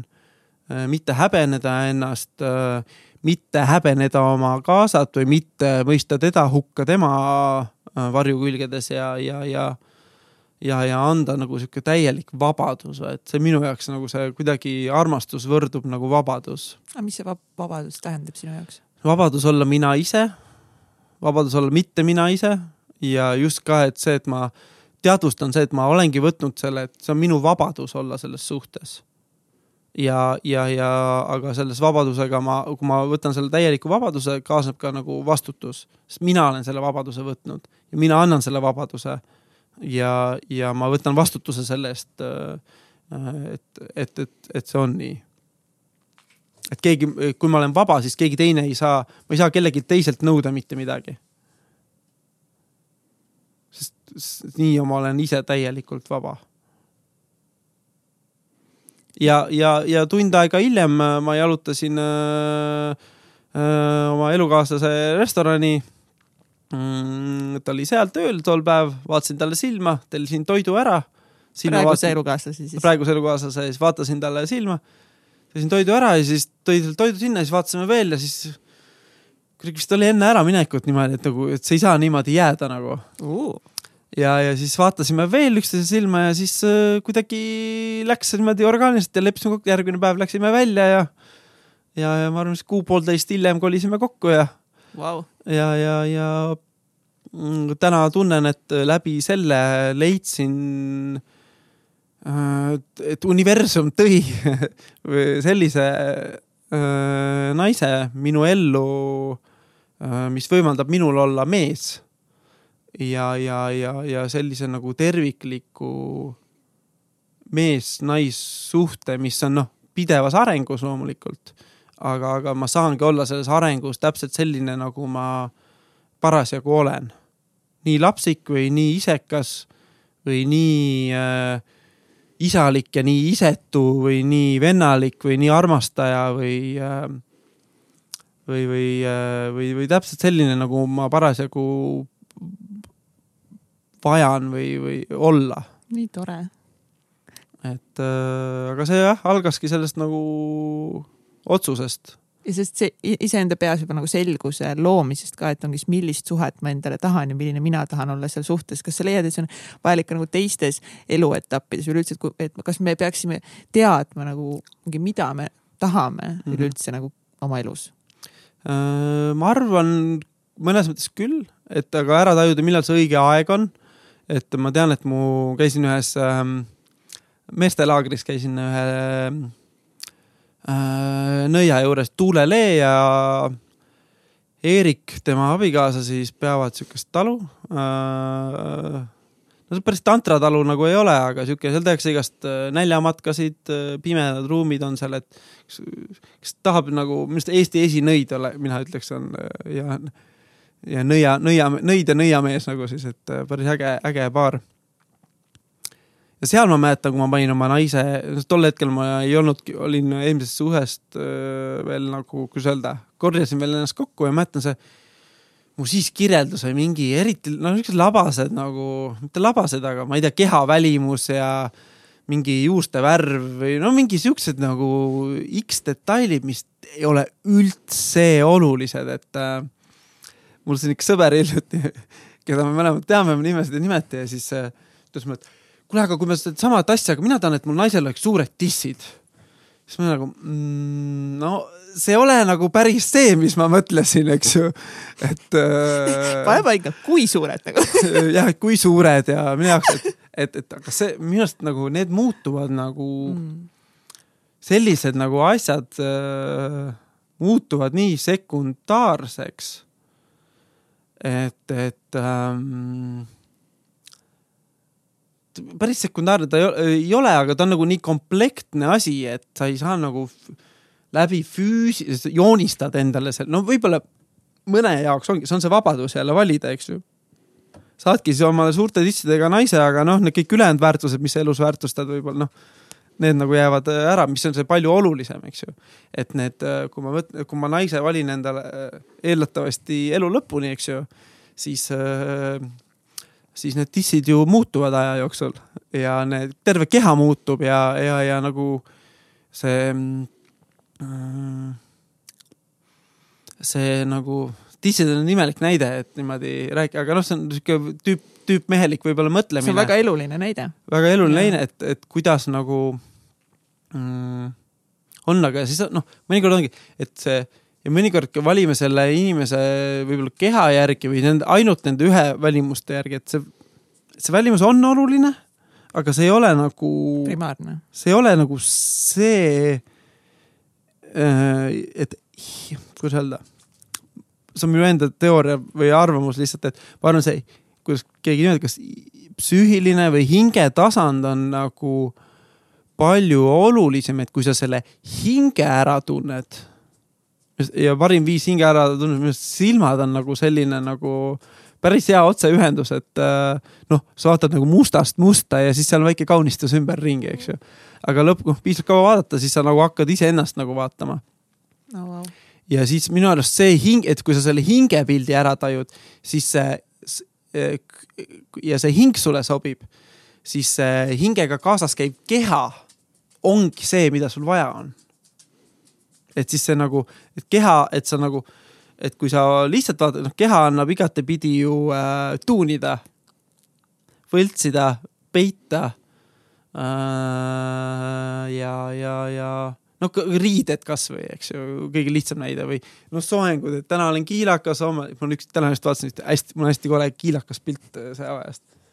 et ähm, et kui selle jäl, järgi valida, siis jääb see hing, siis ja kui pärast avastad selle hinge seal taga, et see ei olegi see, eks ju, siis, äh, siis on palju raskem nagu, siis on peaaegu võimetu nagu jääda edasi, eks ju. Äh, sellisesse harmoonilisse nagu päris suhtesse, ma arvan. aga ma arvan jah, selle, selle õige hingega tuleb kaasa ka see õige keha, mida, kellel meil, meil siis nagu vaja, vaja on ja, ja, ja nüüd, kui selle teemaga edasi minna, siis äh, ma arvan, et seda mind on õpetanud äh, tantra okei okay. mm., oota, lähme nüüd kohe sinna okay.. alust-, lähemegi tagasi nagu ajast nagu nüüd sinna, et kuidas sa üldse nagu jõudsid või hakkasid üldse oma nagu vaimse maailmaga ja selle teekonnaga tegelema ja miks sa üldse arvasid, et sa peaksid hakkama nagu iseendaga tegelema mm? -hmm ma vahepeal mõtlen, mis minu, minu elu kõige suuremad mõjutajad on olnud naised minu ema, minu vanem õde, esimesed siuksed suurimad mõjutajad ja ülejäänud siis kõik minu suhted elu jooksul, mis on olnud, kas siis ka, ka need ühe suhted ja ka pikemaajalised suhted, et et ma mäletan, see kogu see ettevõtte alustamine ja ma olin veel Eesti Üliõpilaskondade Liidus siukene, no meeldis ka seal aktiivne olla. ja kõik sihuke aktiivse elu kõrvalt mm, ka see, ütleme see, ütleme ettevõtlus, narkootikumid meelelahutuse eesmärgil, noh, müü-, noh, müümine, mis aitas mul ka sihukest ülikooli aega, aitas mul ülikoolis käia, noh, ma nagu jah, ma ei kujutagi täna ette, kuidas peaks hea, kuidas, kuidas saad hästi õppida ja normaalset elu elada Eest-, no võib-olla täna juba saab, on tasuta kõrgharidus ja ma ei ole nii kursis sellega, et ilma nagu välise toeta on väga raske on ikka minu arust hakkama saada. Need, kes saavad, respekt neile, et ja need, kellel vanemad aitavad, tundke tänu, tänu selle eest, et aga ühesõnaga ma, ma olin kõike nagu, ma elasin sihukest nagu võib-olla ka materiaalselt hästi. Feimi oli võim oli mõnes mõttes omas valdkonnas. aga mingi hetk ma mäletan, mul, kui ma hakkan, mis mõt-, mul üks suhe sai läbi äh,. läbi äh,, see oli niimoodi, noh, eks ma ise nagu provokatseerisin, et, et kutsusin selle esile, et ta pettis mind. noh, suudlemisega, aga, aga ikkagi, et siis ta jättis mind maha ja ta ei julgenud mulle rääkida sellest. siis ma sain pärast hiljem nagu siis teada ja see oli minu jaoks nagu väga sihuke šokk ja ma olin, mäletan, ma olin just kolinud siuksesse nagu, ütlen nagu Tallinna kõige ägedamasse poissmehe korterisse põhimõtteliselt uh.. sattusime sõbraga sinna ja see oli nagu tõesti sihuke äh, kuues korrus vaatega Toompeale mm,. Oh, wow. meil oli seal saun mm enamus aega ma elasin seal toas, kus oli siuke master bedroom, siuke jõhker voodi, mingi kristall, meil oli hästi äge üürileandja, kes jättis enamus asjad sinna sisse, et see oli mingi, äh, kes oli ka juhuslikult endine niisugune jõhker allilma tegelane, kui ta kunagi avastas ennast, mäletan, aga siis mingi hetk hakkas ka vaimse maailmaga nagu tegelema, et et ma arvan, sealt sai natukene eeskuju, et, et, et saab olla räme gängster ja siis minna nagu rämedalt nagu iseendaga tegelema ja nagu oma hingehaavadega siis nagu toimetama. aga kas sa selle, kui sul see periood oli, kas sa olid nagu selles perioodis nagu rahul endaga ja kas sa arvasidki nagu this is life nagu, kui sul justkui oli nagu kõik hästi Mõnes... vanalinna korterid, naised, raha, kõik värk? mõnes mõttes küll jah, et see oli nagu päris, ma arvan, see oli nagu vajalik etapp, et et ma täna, kui ma näen siukseid vanemaid inimesi, kes on avastanud enda jaoks näiteks noh, ained näiteks. no ained on jälle väga lai definitsioon, et mõni, mõni on siin meele, ütled, ma jaotaks ained nagu kahte kategooriasse nagu meelelahutus. et äh, minnakse välja, võetakse kas stimulante või muid meelemõjusid koos alkoholiga, et, et siis nagu unustada ära, kes me oleme ja ennast nagu täiesti vabalt tunda, mis on nagu mõnes mõttes nagu vajalik siin ühiskonnas, sest me oleme see viis päeva nii raamidesse surutud, eks ju, ja siis äh, inimesed nagu tulevad siis loomastuvad nädalavahetusel et see on võib-olla sihuke vajalik etapp, et ma tunnen, et ma rõõmus, et ma sain selle hästi noorena ära teha. ja teine võib-olla sihuke ainamaailm, see, et ma näen, et sihuke vanemad ajast avastad enda ayahuaskad ja seenerituaalid ja, ja, ja, ja, ja muud siuksed noh, väga, väga võimsad võib-olla tööriistad vaimu arendamiseks. aga nüüd siis nad satuvad selle nagu küüsi, et nüüd see ongi nagu see, et Äh, kogu aeg on vaja nagu nüüd või korra aastas on vaja käia kuskil äh, ajuvaskat äh, juua, et mida siis pärismaalased kasutasid selleks, et kehast ja meelest parasiite välja ajada. aga siis nagu, kas on vaja iga aasta ennast korra ära mürgitada ja surma kogeda, et siis jälle normaalselt nagu elada, et noh, võib-olla mõnel on vaja seda mõni jääbki nagu seda tegema, aga noh. mõlemad nagu on nagu äärmused, okei okay,, läks natuke teemast kõrvale, aga väga okei okay., et aga siis midagi ikkagist oli siis puudu ka sellel tollel perioodil su elus, et sa, et sa mõtlesid, et, et nagu midagi peaks ikkagist muutuma? jah, mõnes mõttes seal aitas kaasa mu vanaema surm. mäletan, siis tundsin ennast väga kurvalt ja siis lõpuks ka mu äh, isa, kes tegi, võttis iseendalt elu wow.. ja see oli siis minu jaoks siuke nagu päris ränk nagu jõuetu tunne või hästi sihuke nagu saamatu või äh, jah, et nagu. ja, ja ma arvan, see pani mind nagu kõvasti rohkem nagu seda elu käiku, elujõudu enda nagu kätesse võtma rohkem. et, et ähm,.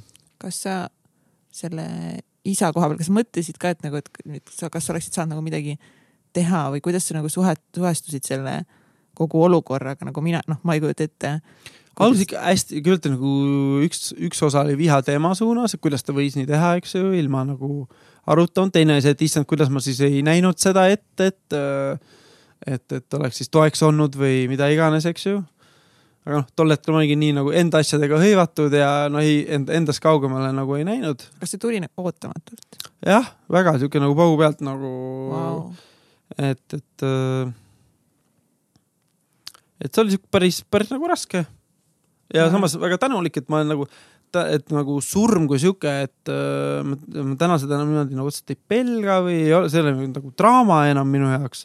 see on nagu, et keegi sündis, jee, keegi suri, jee, et uus tsükkel, et äh, teine, see on mulle budi-, budism või see vipassana on mulle väga siukest surma, surmale lähenemist äh, õpetanud, noh, kuigi erinevad siis needsama ayahuasca ja seeneringid, et äh, surma nagu austusega suhelda ja kui on aeg, siis on aeg ja viis, viis, viiside üle ei vaielda, eks ju, et mhm. aga too hetk sa ilmselgelt nagu nii ei, ei nii ei mõelnud kindlasti jah mm, -hmm. et äh, aga see oli väga hea sihuke, väga tänulik selle nagu kogemuse eest, et nagu noores eas sai justkui need nagu Äh, surmateemad nagu läbi nagu kogetud, et ma täna ei tunne enam seda, et kui ma nüüd homme ära sureksin, et siis oi, kas jäi midagi hullu tegemata või olen kellegi ees võlgu. Äh, või oleks pidanud ikka seda, et täna seda tunnet on, praegu ei olegi. Mm, noh, kindlasti kahju on ikka nagu lähedaste ees ja nii edasi, aga või kui noh, tõesti mõni lähedane ära sureb, et kuidagi nagu olen nagu valmis ma kindlasti ei saa kunagi olla, aga ma nagu sa aktsepteerin seda, et. sest peale isa suri mul veel ka kasuisa kaks aastat hiljem ära, et siis see veel oh. nagu sihuke viimane nagu sihuke äh, kogemus, aga nüüd peale seda, kui mõned sugulased siin-seal ära surnud, siis ma olen nagu, hoian nagu sihukest puhast õhkkonda matustel ja nagu kuidagi, et ma ei lähe sinna nagu, et, et see ei ole tragöödia.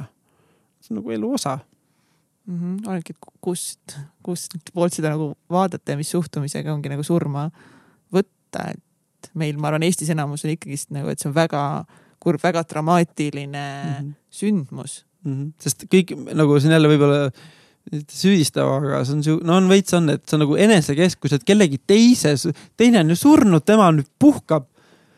tal on nüüd nagu, tal on hästi, ta on surnud. et selles suhtes tal ei ole ju nagu midagi enam ongi kõik nagu.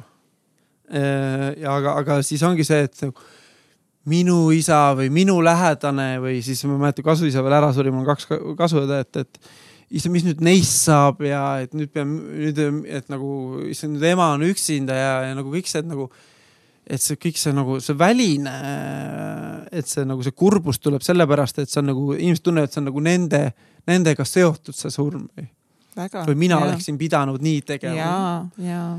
ei ole noh, et selles mõttes, et ärge võtke seda isiklikult noh.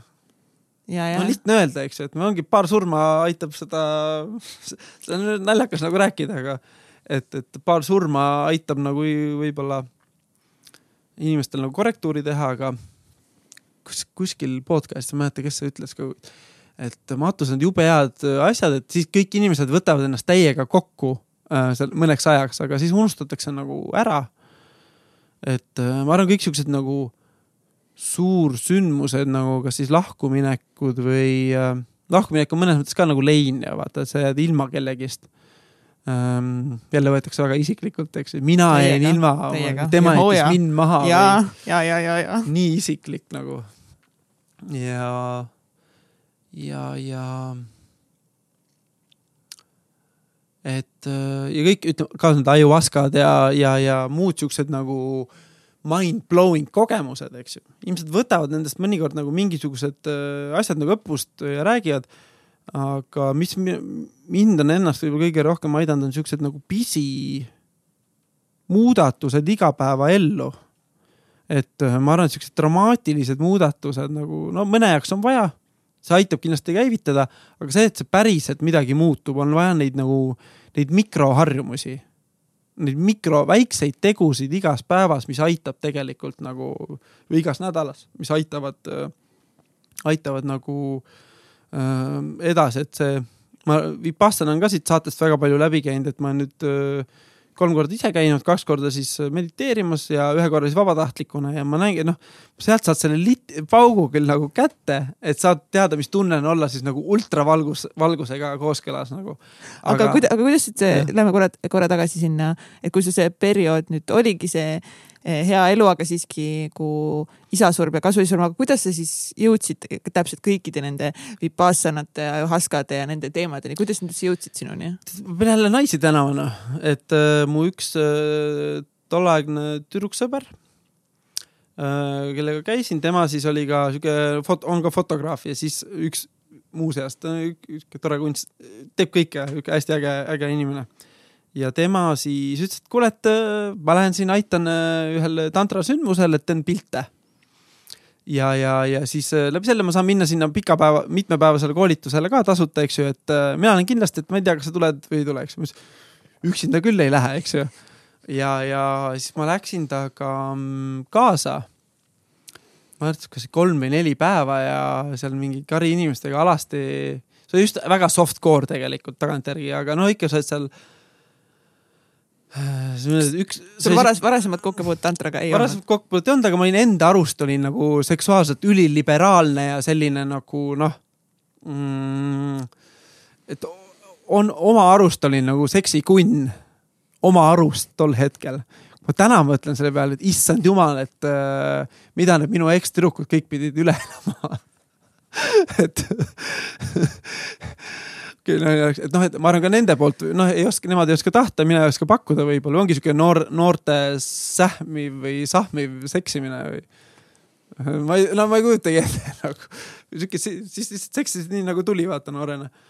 ja ja mis see siis seal tantra, esimeses tantralaagis toimus? äh, mis seal toimus, oli no, kõige lihtsamalt niimoodi, et äh, kordamööda, alguses riietega, pärast ilma oli niimoodi, et üks on selili teine siis hakkab tema peale kätega energiaid liigutama, et võimalikult vähe puutuda, aga peamiselt nagu lihtsalt äh, energiaid liigutada, et et äh, üks on see, ma arvan, noh, see on minu teooria praegu, üks pool on see, et sa nagu annad seda liigutust või puudutust, et sa saad aru, et sa ei pea nagu ahaa, pigistama selleks, et keegi tunneks midagi. Ja lõpuks, kui see, see õrnus on viidudki nii õrnal tasemel, et tegelikult noh, kõige lihtsam eksperiment, eks ju, pane kaks kätt äh, üksteise vastu, peaaegu vastu, eks ju, lähedale, sa tegelikult tunned juba seda soojust, eks ju. ja kui sa oled piisavalt lõdvestunud ja rahulikus meeleolus, siis tegelikult sa tunned ka seda, kui teine inimene seda kätt su kohal liigub, eks ju. ilma, et üldse puudutaksin, sa tunned tegelikult seda soojust või siis seda, mida iganes äh, elektromagnetlained seal vahel, eks ju.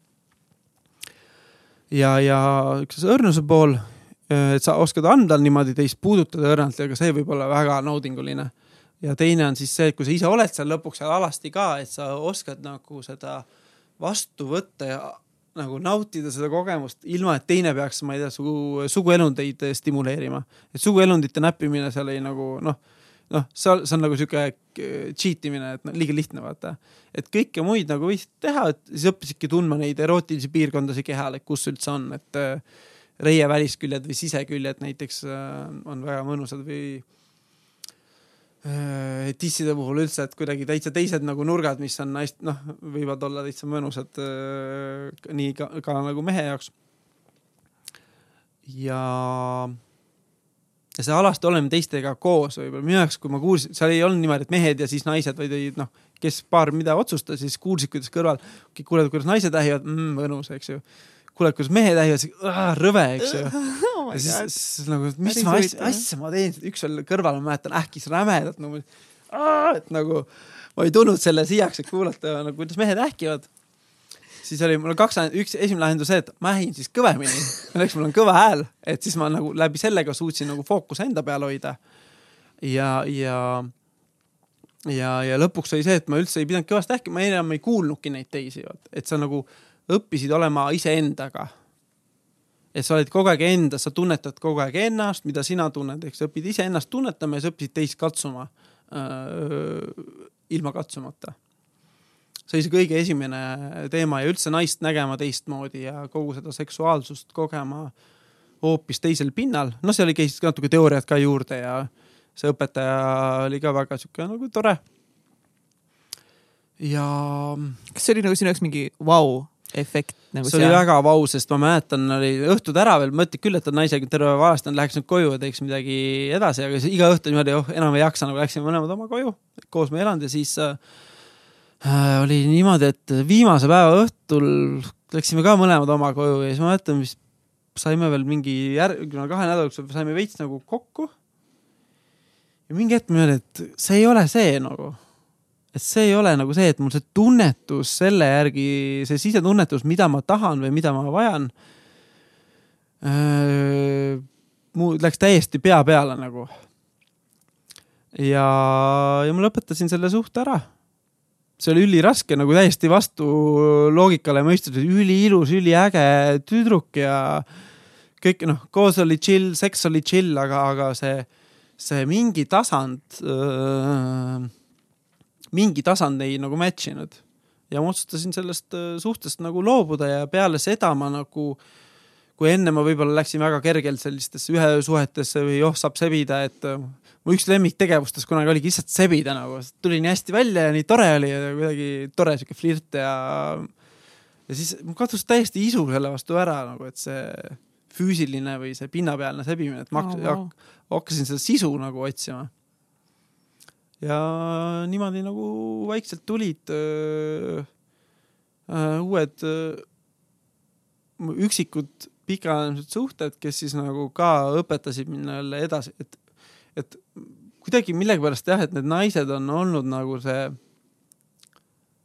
äh, et naiseta olemine on see aeg, kus saad iseendaga olla ja pluss see naisega koos olemine nagu veel rohkem äh, võimendab seda, et sa pead nüüd iseendas nagu jääma enda keskmesse ka ja endaga tööd tegema ja edasi liikuma, sest noh, lihtne on seal kaisus ja mõnus olla, eks ju, aga see suhe on, suhe, ma arvan, et suhe on vist kõige parem iseenesearengu kiirtee et äh, vahepeal imestangi, et on see, oli meeste, meeste õhtu oli seal Vaba Laval, noh, see oli vist nüüd ammu, poolteist aastat tagasi, eks ju, äkki midagi siukest.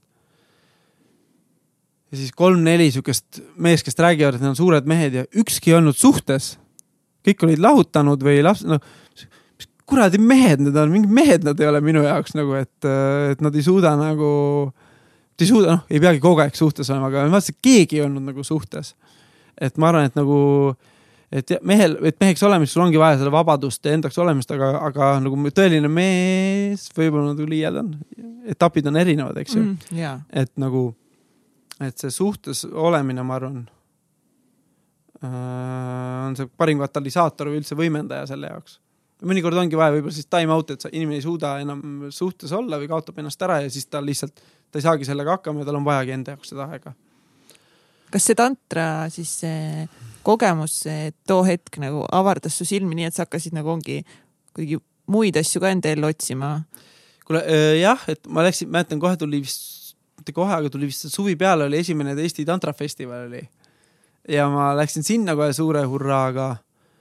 paralleelselt mul tekkis kuidagi inimesed ümberringi, kes rääkisid mulle toortoitumisest, mitte isegi veganlusest, mulle kõik need veganism või veganlus või vegetarian, et äh, äh ma olen alati vegetarian idega kokku puutunud küll varasemalt elus ja siis oli alati, et, et ma seda liha pooldamist ei söö ja siis vaatad kõrval tellivad kana. Või nagu nii nagu hypocrite või siuke nagu yeah., et Ja, ja. et kui noh, tagantjärgi mõtlen, see oli minu enda lihtsalt arusaamatus, aga nad mm. vähemalt proovisid või vähemalt proovivad inimesed, eks ju.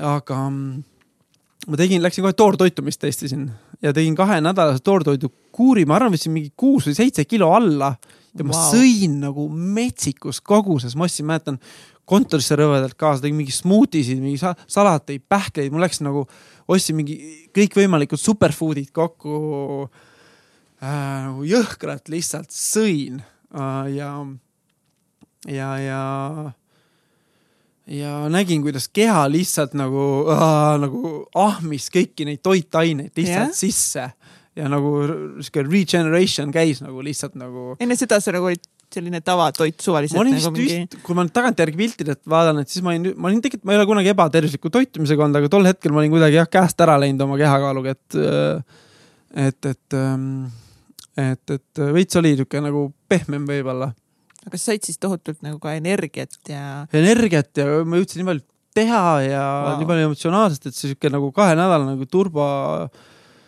Growth, ma siin, kuidas kahe nädalal nii palju võimalik nagu saavutada, noh, ma sain aru, et see minu jaoks ei olnud see jätkusuutlik, sest kui sa põhimõtteliselt toortoitlaseks hakkad, mis oleks võib-olla sihuke toitumise ideaalvorm. Et selle toitumine on täpselt see, mis, kellele parasjagu yeah., mis ajahetkel sobib. Aga kui suutagi siukest, minu jaoks oleks see liiga nagu rets, esiteks kliima, kus me elame, siis ma tahaks oma hoovi kindlasti. Ja, ja põhimõtteliselt siis sa pead e-, siukene keskpärane, keskmine sotsiaalelu eeldab väljas söömist selle võid ära unustada või võtad alati oma krõbinaid kaasa, eks ju. et äh, siin üks Eesti esitoortoitlane Horre Saluste siis mäletan, tegi ka just hiljuti Facebooki postituse, et et äh, mina siin töö, et par-, et tema põhi, et ta on nagu asotsiaal, et tema sööb kogu aeg paar, paari ah,, pargipinkidel. Et on kogu aeg oma toit kaasas, et nagu noh, lähed välja sööma, saad selle noh, toorsalati võib-olla, aga noh, see ei ole toortoit, noh. see ei ole nii toitav, see on nagu, see on dieet, mitte või nagu see on nagu kaalu langetamiseks, mitte toitumiseks mm. -hmm. aga kas sa siis pärast seda toortoidu kahenädalast kuuri otsustasidki mingi kardinaalseid muudatusi ka enda elus teha? otseselt ma, ma vähendasin kõvasti oma mm, lihasöömise hulka. Äh, ja palju, jätkasin nagu toor, toidu söömist, aga sihuke hästi nagu tasakaalukas, et nagu, et ma ei võtnud sellest liiga dramaatilist. ma arvan, see oligi vist viis-kuus aastat tagasi või. ja see oli mu sihuke nagu väikene katalüsaator, kus ma noh, täna ma arvan, et ma üheksakümmend protsenti oma toidust on mul taimne. kanamuna on niisugune kiirtoit veel, mida ma vahepeal söön või kui on mingi magusad, kus sisse on pandud kana või piima, et siis ma, ma arvan, et jah, koogi, heale koogile ma ei ei ütle mm. -hmm, aga lihale ma ütlen nagu hea meelega, et noh, see on jälle, et erand kinnitab reeglid, suvel olin Peipsi ääres, pakuti seda Peipsi Peipsi kala, suitsetatud Peipsi kala ja siis ostsin sealt hunniku Peipsi kala ja sõin seda, selle kala ära ja nagu mul ei olnud seda craving'ut, nüüd ma pean kuskile uuesti minema ostma, eks ju, et vahepeal, kui satub ette, siis söön, aga niimoodi kui ma poest, no ma ei mäleta, millal ma ise viimati oleks nagu liha ostnud või mingeid muid äh, loomseid nagu toite, et. aga kas sul mehena ei olnud seda, et seda arvamust, et sa pead liha sööma selle jaoks, et olla tugev ja piima jooma ka? Mul õnneks endal kunagi ei olnud, sest see, ütles ka tantra on aidanud mul lõhkuda siukest stereotüüpset arvamust, arvamust nagu mehest. seal on see mehe käsitlus ja naise käsitlus täiesti. aga kuidas seal on, räägi, räägime korra siis sellest tantrast veel. hästi lihtsustatud, meesenergia on kõik see, mis vaatleb, kohalolu. noh, et siis, kui sa nagu vaatled või tunnistad, et see on nagu see meesenergia.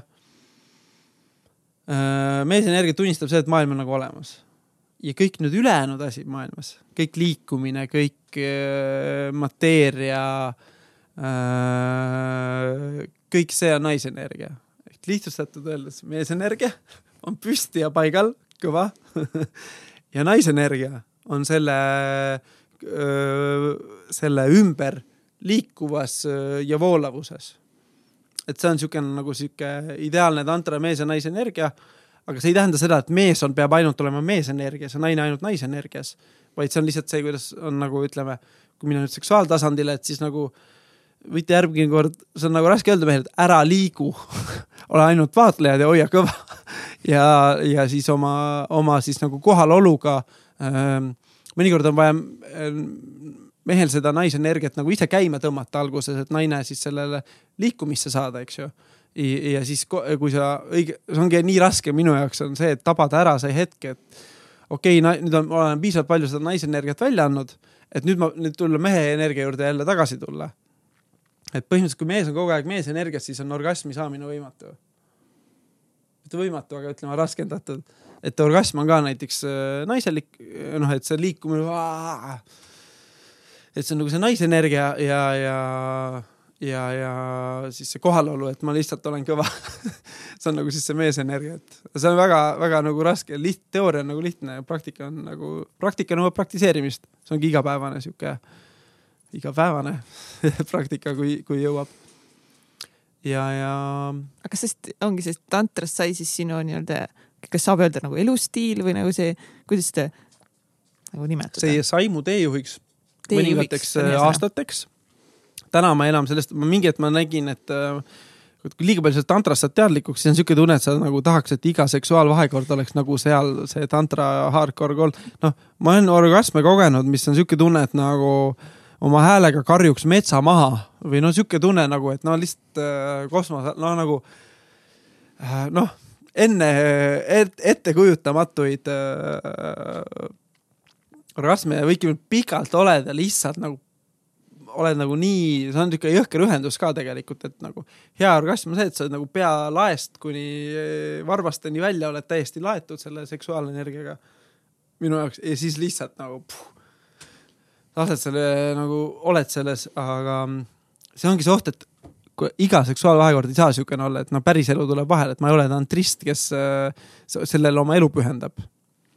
et, et see nõuab nagu täiesti niisugust, no see nagu, et see on üks, see on üks niisugune hedonistlik eluviis võib-olla, mida, mida võim-, on võimalik nagu mingil määral nagu harrastada, aga see on sama, et nagu tahad mungaks, siis mine kloostrisse, tahad tantristiks saada, siis sa pead ikkagi nagu sellise eh, lõpp, väga hea, et sa selle välja tõid. vanasti ma kohe mõtlesin, et ma olen nagu see tantra mees, eks ju.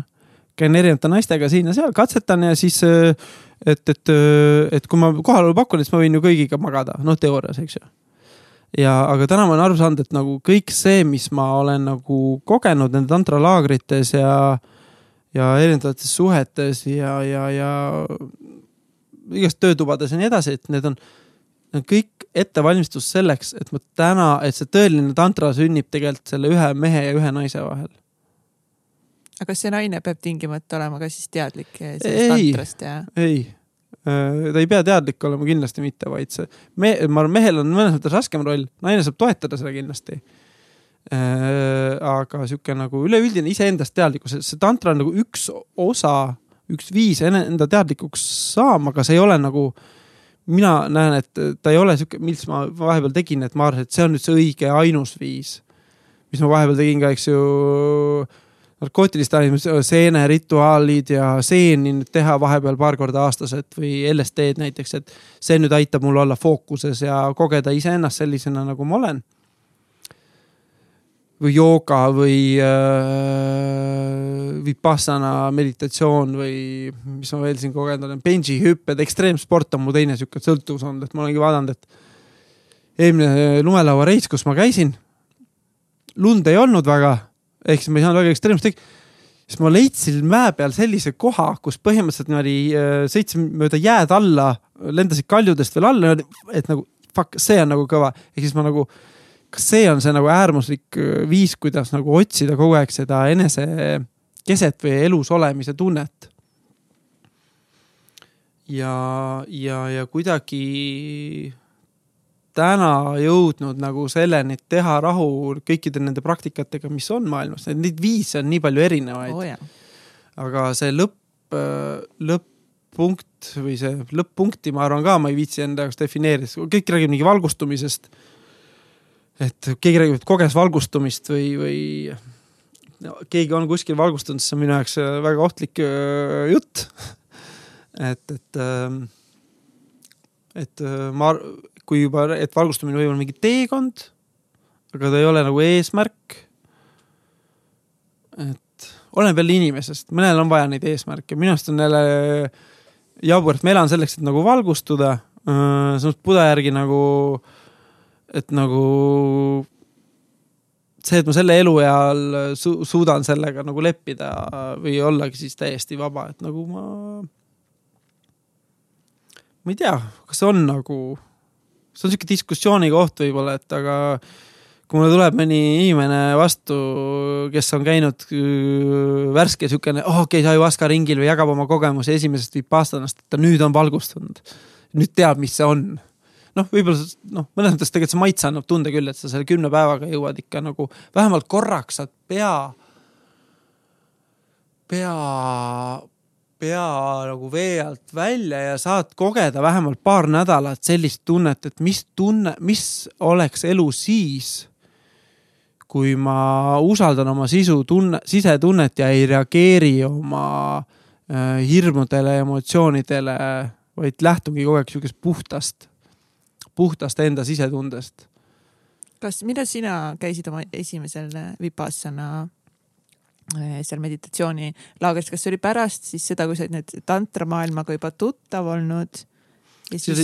jah, tantra oli minu jaoks juba puhas, aga ära veits vajunud et mingi hetk Eestis muutus see väga kommertse, järsku vaatasid, et igal pool on järsku tantrakoolitajad. ja, ja, ja oli jah äh,. hinnad lükati lakke äh, Äh, ja muutus nagu siukses, ma mäletan üks kogukond, kus ma ka nagu rohkem käisin. Siis tekkis see tunne, et tegelikult oli jumala äge nendega koos käia ja areneda, sest see võimaldas nagu piire edasi lükata, et oli nagu sama punt käis enam-vähem nagu koos. ja oligi nagu kihvt, aga siis mingi hetk ma tundsin nagu see, et jätsin paar tükki vahele, siis tuli, miks ma ei tulnud või noh, et siis nagu et tekkis see nagu see clinging värk või et, et ka see tuulelee, kes ma paneks, nemad on, nemad minu meelest päriselt elavad siukest tantraelu nagu oma mehega, et nagu mitte isegi sihuke Eesti tantraelu, ma ütleks maa, maainimene, maa nagu maamees, maanaine, aga tantristid nagu ja noh, nemad kuidagi ütlesid ka, et nad ühe ühe siukse retriidi tegid nagu sihuke päris tantra värk. no ütleme sihuke nagu, nagu full on nagu. mis tähendab siis, et nagu mingi kõik magavad seal kõigiga, et ja kõik teevad seda tantra asja, siis nagu sorry, ma ei ole üldse ta, nagu mega kursis. ta on siukene pikaaegne, ma arvan, sihuke sisseelamine, mis põhimõtteliselt nagu üks siukene siis äh, see äh, et vaat inimestel ette, kas tantra on mingi grupiseks ja muu, et ja siis kõik ütlevad selle peale, siis ma esimene reaktsioon, see ei ole üldse grupiseks, see on tegelikult nagu äh, armastuse või üldse sihuke hingetasandi teine nagu kogemine, aga nagu ütleme niimoodi, et, et need, et kõige jõhkramad tantra rituaalid ongi see tegelikult, kus kõik, kõik on kõigiga täielikus ühenduses ja see ring, mis seal, ma ei kujutagi ette, mis nagu, mis energia see on, kui ma suudan ühe inimesega siukse jõhkra energia saavutada et kui sa oledki selles terves ringis äh,, suudadki luua, ma arvan, et see võib väga, väga võimas äh, energia olla, et tehakse, noh, aga siis peavadki inimesed olema nagu. Selle kohal ma ütleks küll, et siis peavad kõik olema seal valgustunud.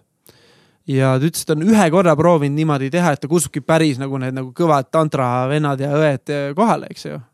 et kes siis nagu fa-fa, et noh, me oleme nüüd need, eks ju ja ütles, et see lõppes täieliku fiaskoga, et ikka tekkisid need äh, armutunded, noh, et nagu. tooks kõige parema näite võib-olla tavalisest tantsust, ma käin ise lindihopi tantsus. see on väga palju, et sa vahetad paare ja tantsid, eks ju, tantsu, see ongi sihuke flirt. Ja tants algab, hakkad flirtima, tants lõpeb, flirt läbi, võib-olla teed ühe-kaks tantsu veel, eks ju on läbi, eks ju, ja siis lähedki koju selle puhta tundega, et oli tore ja kõik, eks ju. Äh, jagasime ruumi ja lau- ja tantsu, et see on nagu tore, eks ju tantra on täpselt samasugune tegelikult. et samamoodi sa peaks olema suuteline ähm, selles nagu vahekorras, puhtas vahekorras, eks ju äh,. oledki selle nagu ära, eks ju äh,. Ilma siis orga-, no ütleme, tant-, sa ilma tulemiseta, ütleme mehe puhul, et sa nagu ei lähe võõra naise sisse nagu tulema noh, sa võid ka tulla, okei okay,, sellest, ma ei hakka sellest rääkima täna, muidu võtavad inimesed valedest asjadest äh, no ma ei ole tantras õpetaja ega spetsialist, kõik, mis ma siin räägin, on minu arvamus ja, ja kogemus. ja just, jah, see on ainult, ja ärge võtke seda nüüd tõepõhja kõiki siin. aga ka siis inimestel tekkis äh, selle laagri ajal ja ka järel sihuke armukodus tunded, mingid tülid tekkisid. Ja, ja siis ma mingi hetk äh, rohkem aega, ma hakkasin uurima, mis asi on nagu armastus. sihuke nagu teaduslikus mõttes, mis on armastus ja armastus on üks äh, baasvajadustest nagu on hapnik, nagu on söök, sama oluline inimese jaoks. ehk siis see läheduse tunne, seksuaalne vahekord, elu jätkamine see on nii primitiivne, et meil on siin need, ma nüüd aju, ajuteadlane ei ole, aga meil on siin need käbinääred ja muud on siis, mis see veel, käbinääre, mingi väike, ühesõnaga on see hea, hea, hea asja väike käbi siin ja halva asja väike käbi, see on meie see primary instinct ja see paljunemine või see armastus, see on meil seal kõige-kõige-kõige-kõige kuskil ürgsemate asjade juures. Ja selle vastu, selle iha ja selle tunde vastu, elu jätkamise tunde vastu äh, on tavainimesel nii peaaegu võimatu, ütleme mm, astuda. et sellele jääda neutraalseks, sellele ihale et, et selle jaoks ongi näiteks need, üks Vipassana paar ütles selle kohta, et, et eh, see on nagu sihuke, see on kõige ohtlikum tunne, mis on, aga selle jaoks sul ongi hea abielluda, et sa saad seda kõige ohtlikumat või kõige paremat või seda kõige ürgsemat äh, iha või tunnet äh, välja elada ja õppima seda nagu praktiseerima oma ühe partneriga. et see on nagu see, et sest mingis hetkes see iha tegelikult kaob. kui piisav vanus tuleb vabandust. nüüd okei okay,, Eera võttis vastu, et iha ei kao, aga muutu-, et ta ei ole enam see primaarne instinkt, eks ju. nägi, nägi, nägi aknast kedagi, ma arvan, keegi tuli, keegi tuli. Egert läheb vaatab, mis, mis taim see on, oi tule siia. joo, oi, oi, oi, issand, kui nunnu see on, nii. rohkem loomi, aga et, et selle jaoks inimesed lähevadki ju nunnadeks ja munkadeks. ja kui nüüd niisugune argitantra õpetaja ütleb, et tema on sellest ihast nagu vaba, siis mina seda ei usu. me elame niisuguses ühiskonnas, sa nagu, sul ei ole, et mina ei usu seda.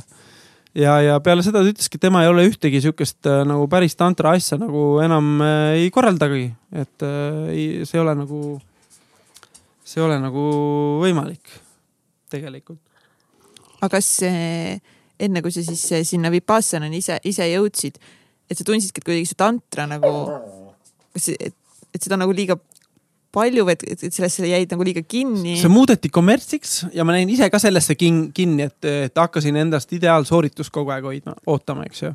kui, kui, mis olid nagu kõige suuremad väljakutsed selles, et sa tahtsid seda ideaalsooritust ja kuidagi? Äh, ideaalne sooritus, teadlik partner, ootused endale ja jõhkrad ootused, sest sul on mingisugune ideaalse mehe ettekujutus pähe vormitud, missugune peab see tantramees olema ja siis, et äh, päris kõvasti tööd teinud, et sellest nagu loobuda. sellest, see läks nii-öelda tantrameheks olemisest või? jah, vaid lihtsalt nagu igapäevases elus, et või nüüd, kui see hetk on, et siis ma nagu tuletan nagu seda meelde endale lihtsalt, et, et ma olen teadlik nendest ja annan endast parima. aga et ma nagu ei anna endale neid hinnanguid, et oo, et nüüd äh,, kuidas ma ütlen, et näiteks a la nüüd äh, mida me enam ei tee küll, ma ütlesin, mida me tegime, et vaatad pornot ja masturbeerid, eks ju. et siis annad mingi hinnangu, et no täna ma enam, täna ma ei näe sellest, see ei ole minu jaoks enam erutav, noh pigem ebaerutav. see on nagu üks naljakas fakt veel sellest tantra nendest paarist, et küsis ka, et küsin Eerikult, et kas ta pornot vaatab ütles jah, aga ainult seda, mida Tuule on nagu üle vaadanud. et ei oleks mingeid fake orgasme või naisi, vaata, et see peab olema nagu päris seks. wow.. Aga siis, ühesõnaga siis jõudis Vipassana sinuni. Siis sa läksid Vipassana laagrisse tuli. tantra, siis tuli toitumine Ah, toi- ja, ja, ja Äh, siis tulid siuksed ka võib-olla ayahuasca ja seeneringi. ma olin tegelikult juba, juba väga noores eas proovisin nagu seeni, aga ma mäletangi rituaalkorras, kui me esimest korda tegime, siis ma nagu hakkasin esimest korda au,, hakkasin nagu austama aineid. mis mõttes austama? nagu, et, et nagu tööriist, mitte kui meelelahutus. et varasemalt see oli siis ikka ainult nagu meelelahutuse. mitte ainult, aga no oligi, et sõpradega metsa tegime seeni ja oligi, tegelikult oli väga arendav nagu kogemus, et sihuke, et hea keskkond, looduses olemine ja, ja ühenduses olemine ja sihuke nagu ühtsuse tunne ja hästi puhas on alati pärast äh, tripi olla, et, et see, see on see, see on see tunne, millega, see on sihuke armastuse või puhtuse tunne, mida, mis võikski olla see igapäeva nagu elu. mm. -hmm. aga kuidas sa siis hakkasid rohkem respekteerima neid aineid, läbi mille? läbi suunatud tegevuse ja tegelikult ka läbi meditatsiooni, et mitte, et sa lihtsalt teed seda. vahet pole, mis see aine on, eks ju, mis sa lihtsalt teed seda.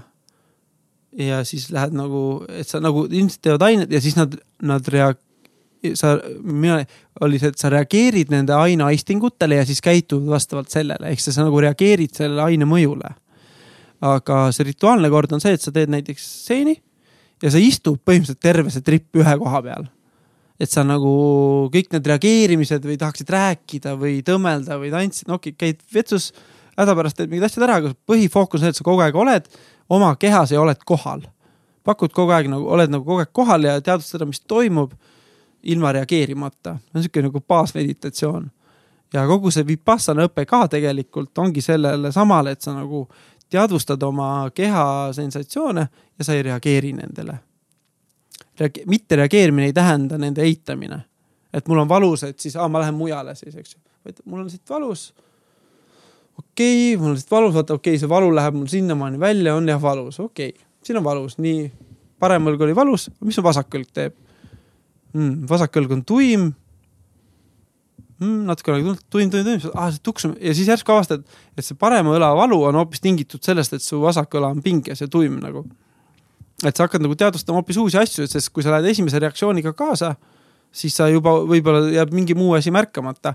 aga nüüd jälle see, et see tuim oli ja teise ära parandas, ei tähenda kohe, et ma lähen teise juurde tagasi, vaatan, kas on korras või ma lähen järgmise asja juurde ja järgmise asja juurde. Et see on nagu erapooletu asjade aktsepteerimine mm. -hmm. mis olid kõige suuremad võib-olla aha-momendid, kui sa hakkasidki siis neid aineid nagu teadlikult tarbima mm,? tegelikult tarbima, no et, et ma ei käinudki nii palju ise võib-olla ei teinud enam, vaid otsisingi neid ringe võib-olla. see on ka sihuke väline tegevus, täna ma üldse proovin nagu mitte nii no et, et ma ei ole niimoodi, et nagu ma ei tunne, et see on vajadus, vaid kui tekib nagu olu-, vastav õigelt olukord, õige asi õigel ajal. aga see on, on nagu toonud mingit, mingites hetkedes sinu ellu nagu, nagu suuremat selgust või mis taotlustega sa oled üldse neid mm, teinud? tohutult, siukest tohutult palju enesearmastust on sealt tulnud juurde, teadvustamine, et see, mis on, see ongi äh, okei okay, nagu. sest äh, tol ajal see nagu, põhimõtteliselt nagu mürgitad ennast millegiga selleks, et su keha äh, korraks äh, unustab kõik ära, mis sul vähegi on olnud peas kinni, eks ju. kõik su hirmud kaovad, ainus, mis jääb alles, on võib-olla surmahirm. ajuaska puhul eriti näiteks, et sa põhimõtteliselt nagu lähed surema korra ja siis äh, surma on ära, tuled tagasi ja kõik näed nagu värske pilgu läbi. aga tegelikult ei ole nagu, tegelikult ei ole mitte midagi muutunud. saad aru, füüsilises maailmas järsku mitte midagi ei muutunud Donald Trump ei lakanud olema presidendiks äh,. Äh, aga ainus, mis muutus, oli sinu mindset, asja nagu nägemise külg või puhas mindset nagu. sa saad nagu, nagu platsi puhtaks, küll väga nagu piinaliku versiooni, et noh, tavaliselt oksendatakse see ja tehakse mingi, no ühesõnaga, et läbi valu on vaja inimestel tihti nagu see aru saada, et ah, tegelikult on kõik hästi ja mina täna proovin nagu enda elu küljes, et ma ei taha enam või noh, mul ei ole vaja enam neid nagu läbi valu. et oh, läheks, otsiks suvel mingisugune retriidi, et läheks oksendaks kaks päeva ja et siis, siis ma jälle tunnen ennast hästi, eks ju, et ma ta pigem sihuke läbi meditatsiooni ja igapäevase tänulikkuse leida seda positiivsust, et mitte nagu läbi valu ja ma ei teagi, nüüd jõuan hoopis teise teema juurde, et mõtlesin, et kuidas siis nagu, et mul ei ole, et, et kui ennem käis õppimine mul pidevalt läbi valu. Äh, et ma tegingi nii kaua asju, kuni mul lõpuks hakkas valus või halb või suhe läks lahku või tervisega ei olnud, noh, et, et, läbi valu toimusid mingi muudatused. siis ma üle-eelmine aasta, mis oli ka peale siukest seeneringi äh,, kus sai juhuslikult laulda, et ma tahan ka laulda, see on nii lõbus wow.. ja, ja siis äh, helistasin vanaisale, kes on eluaeg laulmisega tegelenud ja, ja tema ütles, et äh, ja, et me siin oma koor, kus ta käib, noh, ta on pensionärid või nagu seeniorite koolis. et seal võtame nüüd vastu, seal võetakse vastu nagu uusi lauljaid, mis on koor ja professionaalne koor, et Eesti Teaduste Akadeemia meeskoor. ma ütlesin, ma ju ei oska, ma ei ole kunagi laulnudki, eks, et äh, kuidas nüüd nii, eks ju läksin sinna katsetele ja võeti vastu ja siis õppisin selle suure koori keskel nagu laulma, et isegi see on nagu hea, sest nagu sinust ei sõltu koori tervik. aga kas sa ei kartnud siis, et sa ei oska nagu laulda või, või üldse lihtsalt mõtlesid davai, ma hakkan nüüd laulma? seal seeneringi lõpus oli ühislaulmine ja kuna peale seent, seenetrippi mul ei olnud ühtegi maski enam ees, eks ju. Nothing to lose. ma hakkasin kaasa mõmisema mm,, jee, jee. et nagu mõmisesin kaasa siis lõpuks tegin suu lahti. hakkasin tegema rahulikult, siis hakkasin selle laulu järgi kaasa laulma. siis vahepeal niimoodi nagu tema laulis, ma laulsin vastu, sihuke nagu pelledamist, vahepeal naerad, issand, kas see olen mina üldse, kas ma võin niimoodi teha teiste ees.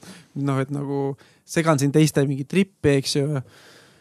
ja samas kõik, kuna oli nii puhas või see maskid olid maha oksendatud, et äh, ja jätkasin ja jätkasin ja usaldasin ja usaldasin ja tuli noh, et see nagu et äh, vaatasin, piilusin vahepeal teisi ka, et keegi veel ei ole niimoodi, et äh, paneks käed kõrvade ette ja usaldasin ennast ja, ja, ja sealt nagu sain selle nagu kiki nagu kätte, et ja läksin laulma. kas sa kunagi arvasid, et see võiks juhtuda? ei, ei, mitte kunagi. Wow.. mitte kunagi üldse. Et omaette duši all või niimoodi, mul ikka nagu või raadioga laulad, eks ju, for fun, eks ju, aga see, et minna kuskile koori niimoodi laulma, et et äh, elu sees ei oleks vist ette kujutanud seda. sest mäletan, väiksena suruti vist koori laulma ja, ja see oli jälle nõme, et teist nagu kuidagi nõme oli see nagu kogu see formaat, pidid minema peale, et ma ei tea, nõme oli igatahes. ja, ja kogu see tundus nii nõme minu arust, et lähed sinna, oled koos teistega, täna just ma näen, see on õpetanud mind äh, meestega koostööd tegema. See on ikkagi, no parimal juhul on meil seal kuuskümmend, noh ütleme nelikümmend, et sa õpid teiste meestega koostööd tegema äh, ühise eesmärgi nimel, eks ju.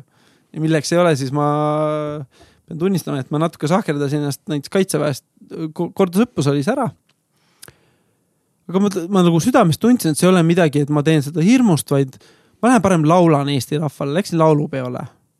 et, et minu arust see, et, et, et kas ma nüüd valin, et kas ma nüüd lähen meestega ühiselt võtan relva ja, ja ootan, kuni teised mehed tulevad meid tapma, et siis tapaks neid vastu.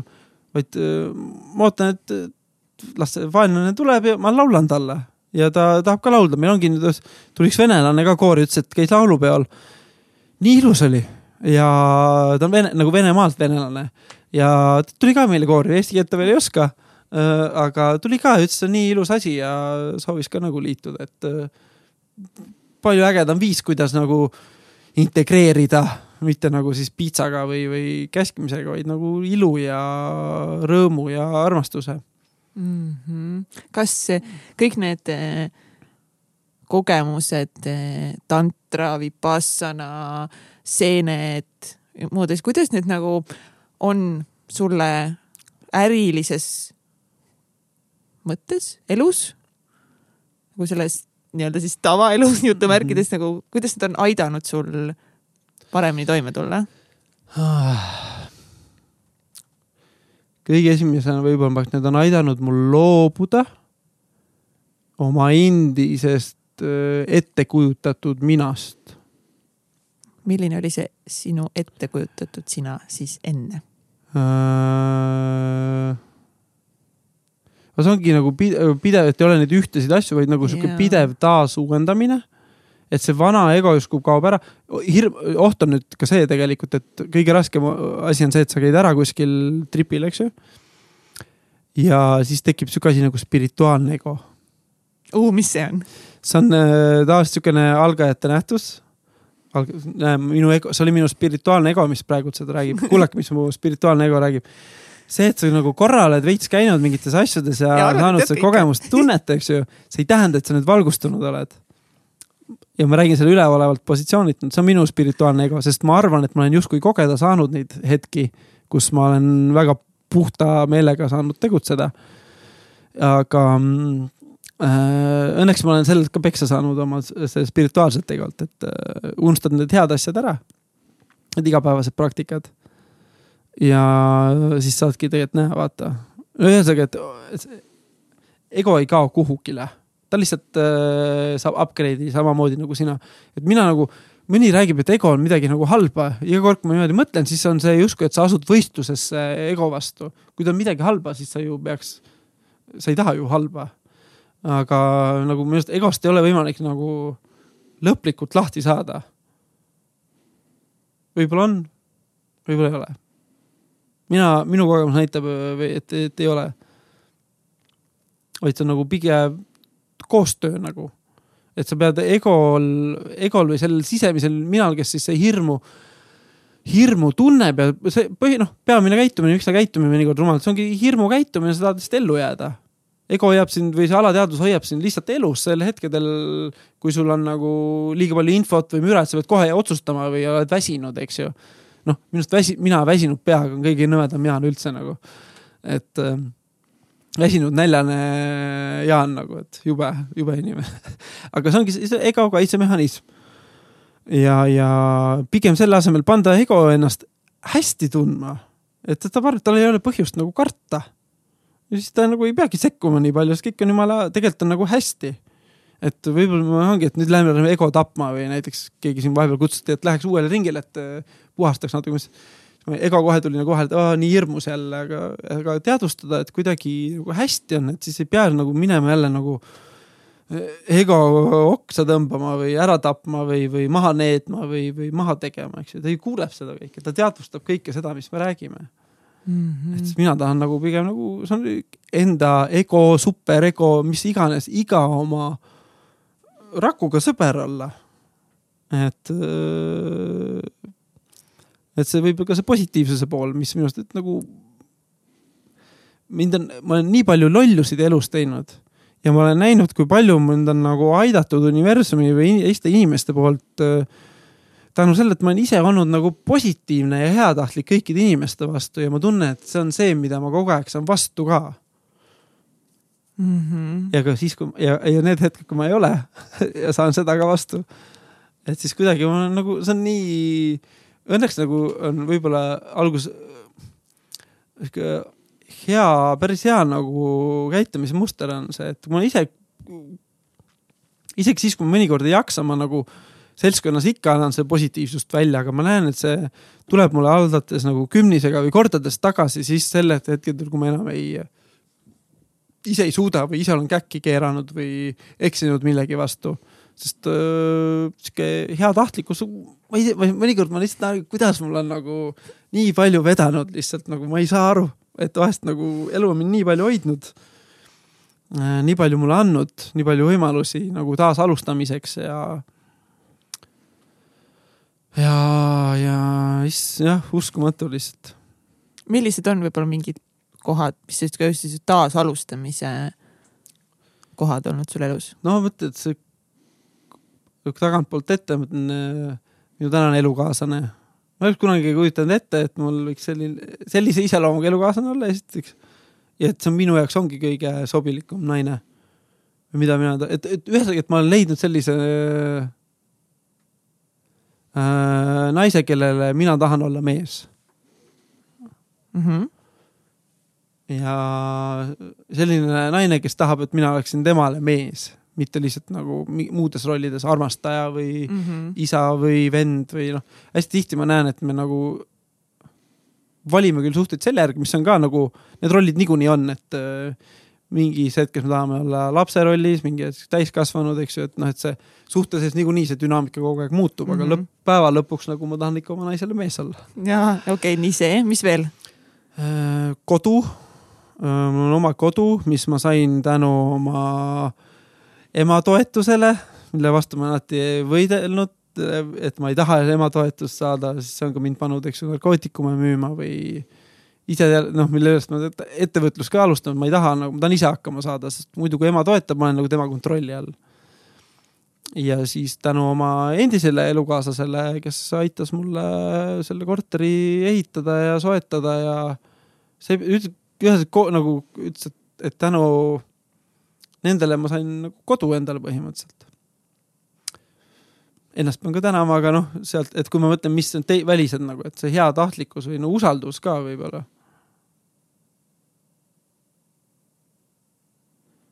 et ja, ja vaatamata sellele, et me läksime endise elukaaslasega lahku, et siis et ei, kuidagi siukest nagu eemale tõrjumist nagu ei olnud õnneks. Et ma mäletan, et oligi nii tore, et see nagu mõnes mõttes nagu totter, hästi pikalt läks see lahkumineku, olime juba lahus, aga see nagu asjade klaarimine võttis tohutult kaua aega. aga ma olen nii tänulik, et seda ei, et minu sihukest püüdlust suhelda ei äh, tõrjutud ja see võimaldas nii palju siukseid nagu mustreid või pooleli jäänud asju veel läbi arutada. ja läbi kogeda niimoodi, et nagu, et ma ei võtaks neid asju enam uudet, uutesse suhetesse kaasa. et see võttis päris kaua aega isegi. et see nagu minu enda poolt lõplik lahtilaskmine, sest alati oli midagi, mõtlesin nagu see või see nurk või see nurk, et siis proovid jälle nagu ennast nagu, ennast, enda sisse vaadata, kõik need nurgad nagu läbi ja ma olengi nii tänulik, et nii kaua, et põhimõtteliselt aasta mm -hmm. aega äh, oli veel sihukest järele peegeldusi, kohtumisi, käisime lõunal, et nagu, et ma olen nii tänulik, et nagu et selline võimalus nagu oli, et ma mõni, kuulsin just ühte siin tuttavat ütles, et, et läksid, et ta ütles, et ähm, äh, et tal oli eksiga niimoodi, et ta läks kõigepealt, läks, võtsid eksiga koera ütlesid naised koera, läksid lahku, naine võttis koera endale, ütles, et sa ei või kunagi enam koera näha. siis äh,, siis kuulis, et ta leidis uue kuti, see naine. said lapse. Läksid lahku ja naine ei luba last enam kunagi sellel uuel tüübil näha. aga need kaks tüüpi on, need kaks eksi on omavahel väga head sõbrad aga et, et, et võib ka niimoodi sattuda, eks ju, et suhe lõppeda, et inimesed ei taha üldse enam näha üksteist mm. -hmm aga me oleme nüüd juba veits üle kahe tunni jutustanud uskumatu onju Vau. aeg läheb megakiiresti, siis see on põhjus, miks me teeme nii pikkasid saateid vahepeal, siis nii põnev on ja me pole jõudnud veel üldse nagu pooltest asjadest üldse rääkida. aga prooviks korra nagu kuidagi hakata seda vaikselt nagu kokku eh, tõmbama, aga mul on mega palju küsimusi, ma proovin. et see üks teema, mille juurde ma tahaks tagasi tulla, olekski nagu see, et kuidas need praktikad on aidanud sul nagu igapäevaelus paremini toime tulla, kõik need, mis sa oled kogenud ja tundnud ja, ja läbi teinud.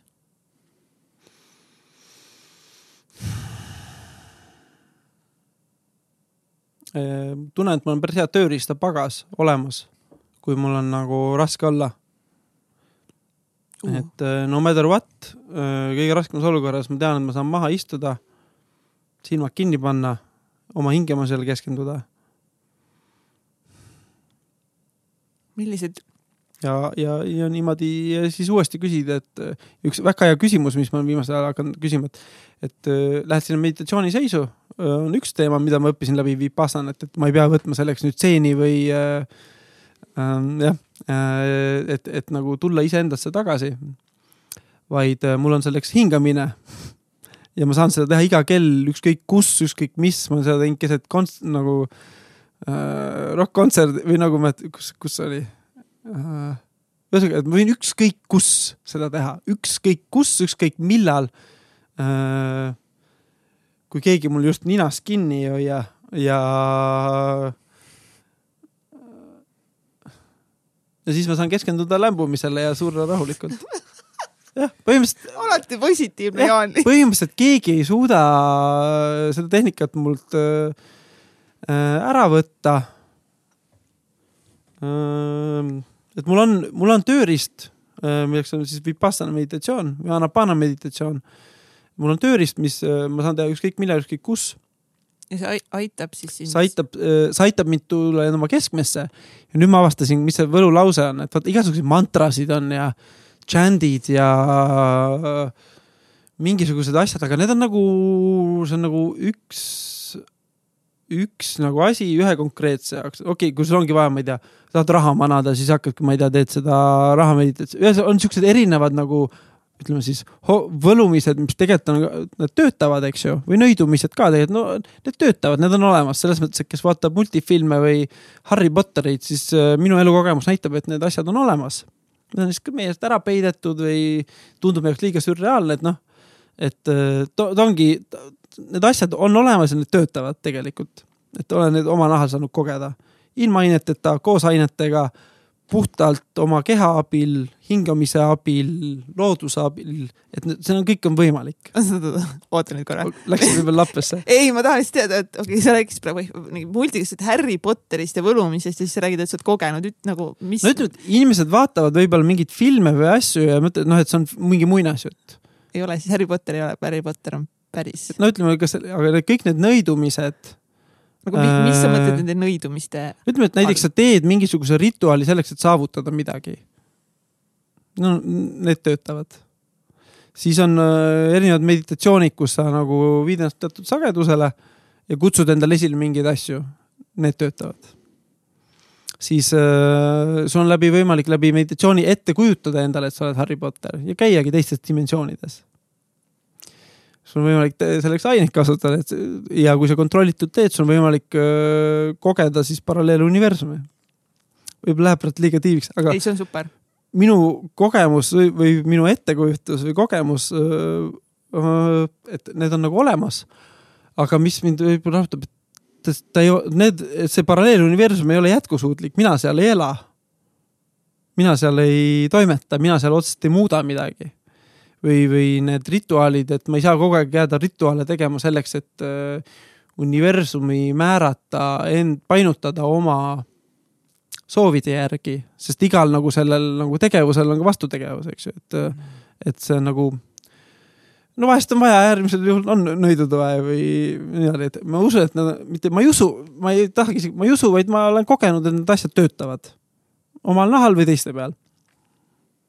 Ja neid inimesi ümberringi, mis mind kõige rohkem nagu rõõmustab, et ma olen nagu, et ma olen nagu, kuidas öelda, võib-olla pinnapealselt, aga saanud nagu nii palju erinevates valdkondades nagu nina sisse pista. no uudishimu, et davai, midagi on ja siis täiega teed nagu. ja mis nagu toonud nagu, et mul on see hingamine või see meditatsioon, kus ma saan tulla iseenda tunnetusse, mis on ainus päris asi, mida saan päriselt kogeda, see on siin ja praegu. see mina, mis on, on minu keha ja minu hingamine ja see. kui palju sul võttis aega nagu, et praktiseerida seda nii, et sa täna nüüd saadki, sa tead, et see toimib mm -hmm. ja töötab sinu puhul nagu? ma arvan, et terve elu läheb aega veel. ei nagu. aga et läks aega või? no ma... et, et sünnist saadikuni siis ma ei teagi, et see ongi. millal väike... sa hakkasid teadlikult nagu rakendama seda praktikat, seda hingamist ja seda, et. no peale Vipassanat, peale teist Vipassanat ma sain nagu kinnituse tehnikale. peale esimest. millal see teine Vipassana? üle-eelmine november. okei okay. siis ma sain nagu kinnituse sellele, et fuck, nii ongi. esimene kord, kui käisin, oli lihtsalt see super eufooria, vaata. aga see kadus ära, siis on pettumus ja üliraske on äh, tund aega päevas nagu jätkata teist korda käin, sain nagu kinnituse, mul on nüüd see tööriist, ma saan seda kasutada, mida rohkem ma kasutan, seda paremini ma olen endaga ühenduses. vahepeal vähem, vahepeal rohkem. Aga ma nüüd sain ühe siukse äh, hea osa sinna juurde.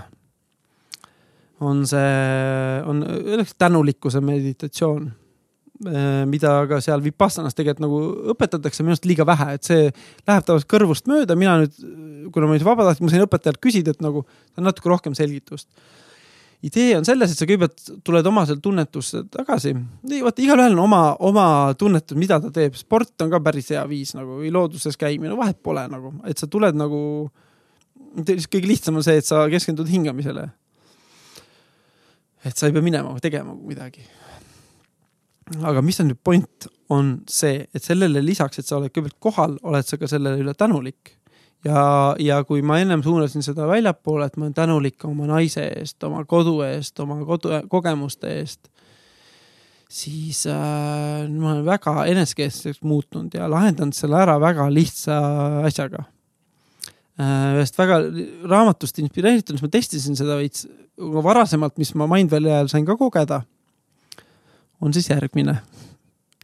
et kui oled tunnetuse saavutanud iseendaga ja siis mõtled, mis nüüd edasi, siis äh, on üks lause, et äh, ma armastan ennast. ja siis küsid edasi, et äh, kui pead otsustama midagi, et ma armastan ennast, mida, mida ma, mida ma teen, mitte kui ma armastaksin, ma armastan, ma teen armastusest nüüd. ja see, mis tundub nagu armastusest õige, siis teed seda see on see sise, sisetunne, et aga see sisetunne eeldab see, et sa kõigepealt nagu endale kinnitad ära, et ma armastan ennast, aga selleks, et see ma armastan ennast jõuaks nagu kohale, äh, mitte lihtsalt mentaalses mõttes, vaid sul peab olema mingi, mingigi kehatunnetus. et kasvõi, kasvõi hõõru ennem käsi kokku või mida iganes aitab sul korraks saada enda kehaga kontakti, sest see on ainus reaalne asi, mis meil on. Ähm, meie kas-, noh, meie tunnetus, eks ju et ma võin arvata, mida Egert seal tunneb praegu, et tegelikult ma ei, ma ei saa kunagi teada, mida sa päriselt tunned, eks. Ma saan ainult seda päriselt teada, mida mina tunnen. ja kui ma olen sellega ühenduses, mida ma tunnen parasjagu neutraalses mõttes nagu, et ja siis ma saan ja siis sealt edasi saan nagu siis, et ma armastan ennast ah,. ja siis äh, sealt on jumala hästi lihtne juba edasi otsustada, et mis on see, mida sa päriselt tahad edasi teha uh,.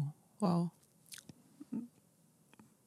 väga lahe äh,. nii, tohutult küsimusi, ma proovin nüüd valida midagi välja, et ongi, kui nüüd äh, kuulaja näiteks praegu kuulab kõike seda, seda juttu, ta on vist mingi, mingi vau wow,, nagu Jaan on kogenud ja näinud nagu nii palju ja ma tahaksin nagu ka jõuda nagu sellisesse staadiumisse võib-olla, kus nagu sina, sina täna oled, aga ma nagu täiesti nullis nagu, ma elan ikkagist nagu väga siis materiaalset nagu elu ja ma tahan ainult mingi, ma ei tea väliseid asju, raha, kodu, ma ei tea, uhket autot, aga ma nagu tunnen, et ma tahaks midagi muud ka kogeda, et nagu millest ma peaksin alustama? kas äh, küsida niimoodi, kas sa tunned pea ees külma vette hüpata või äh, lähed rahulikult vette kaldast? kas saaks mõlemaid variante? no. ütle, võtame pea ees enne siis. pea ees, kellel on vaja siukest traumat heas mõttes, siis minge noh Ayahuasca, aga samas see on ka sihuke, et nagu, et lõpuks ikka ma soovitaks, et kõik need asjad võite varem ära proovida, lõpuks ikka soovitaks sinna Vipassanasse. kahjuks või õnneks on nagu, viimane kord, kui õpetajatega võimalus nagu rääkida, seal oli hästi palju, kakskümmend vabatahtlikku olid, siis üks tüdruk on sihuke rastadega hullult kanepi fänn, et tema ütles, et tema on aidanud, temal on kanep aidanud väga palju jõuda iseendale lähemale. siis mina niimoodi, kuule, aga tantra nagu, see on mind täiega aidanud nagu endast teadlikumaks saada.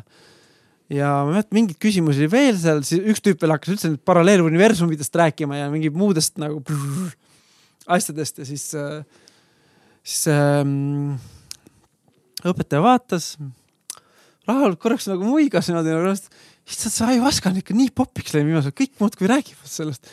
et, et nii huvitav, eks ju, et aga samas ta rääkis, ta ütles, et vaata, kui head asjad need on. Te olete kõik siia jõudnud. et te olete nüüd siin, nüüd teil on selline tööriist olemas. mis teil rohkem vaja on? Davai.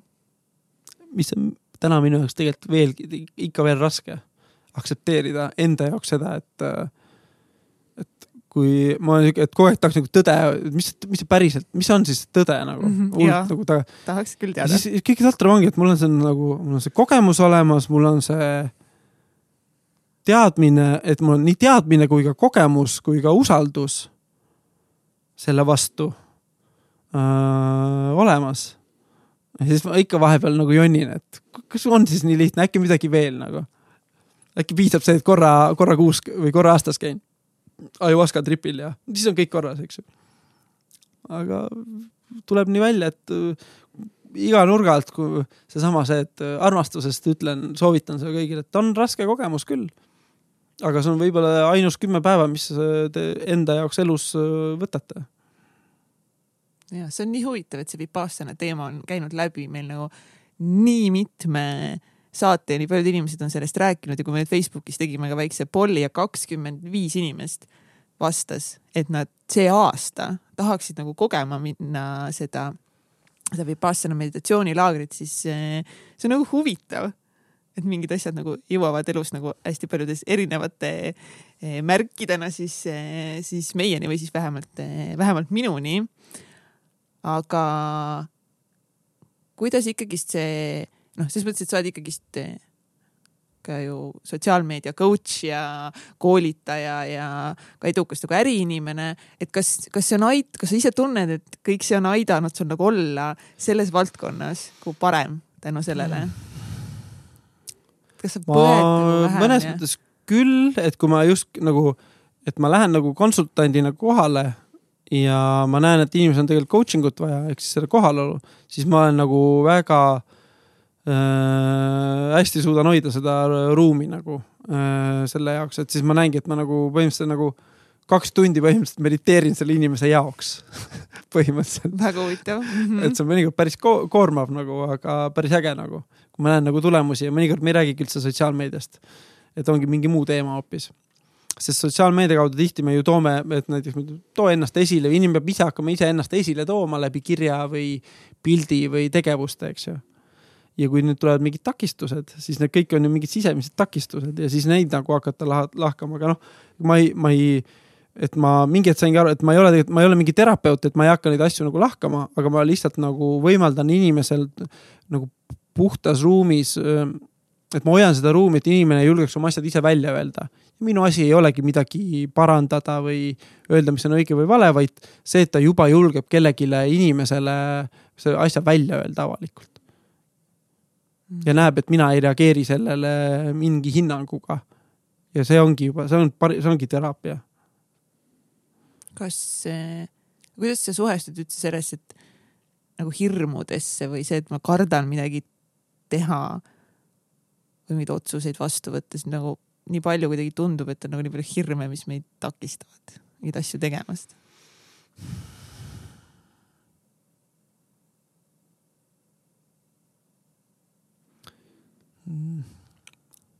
Vot siin on üks päris raske koht. et äh, millal on tegemist hirmuga ja millal on tegemist äh, selle sisetundega, südames sisetundega, mis tegelikult ei taha seda teha hmm.. siin on minu jaoks võib-olla kõige raskem koht. Et äh, toon hästi hardcore näite võib-olla, et ühe elukaaslasega oli niisugune suht kindel mõte juba, et teeme, teeme lapse. ja, ja siis ma kogu aeg nagu lükkasin seda edasi või ma keerutasin selle teema ümber. ja, ja siis mingi osa tol hetkel mõtles, et no hirm olen või ei julge välja öelda võib-olla see on praegu see, mida minu ratsionaalne meel õigustab.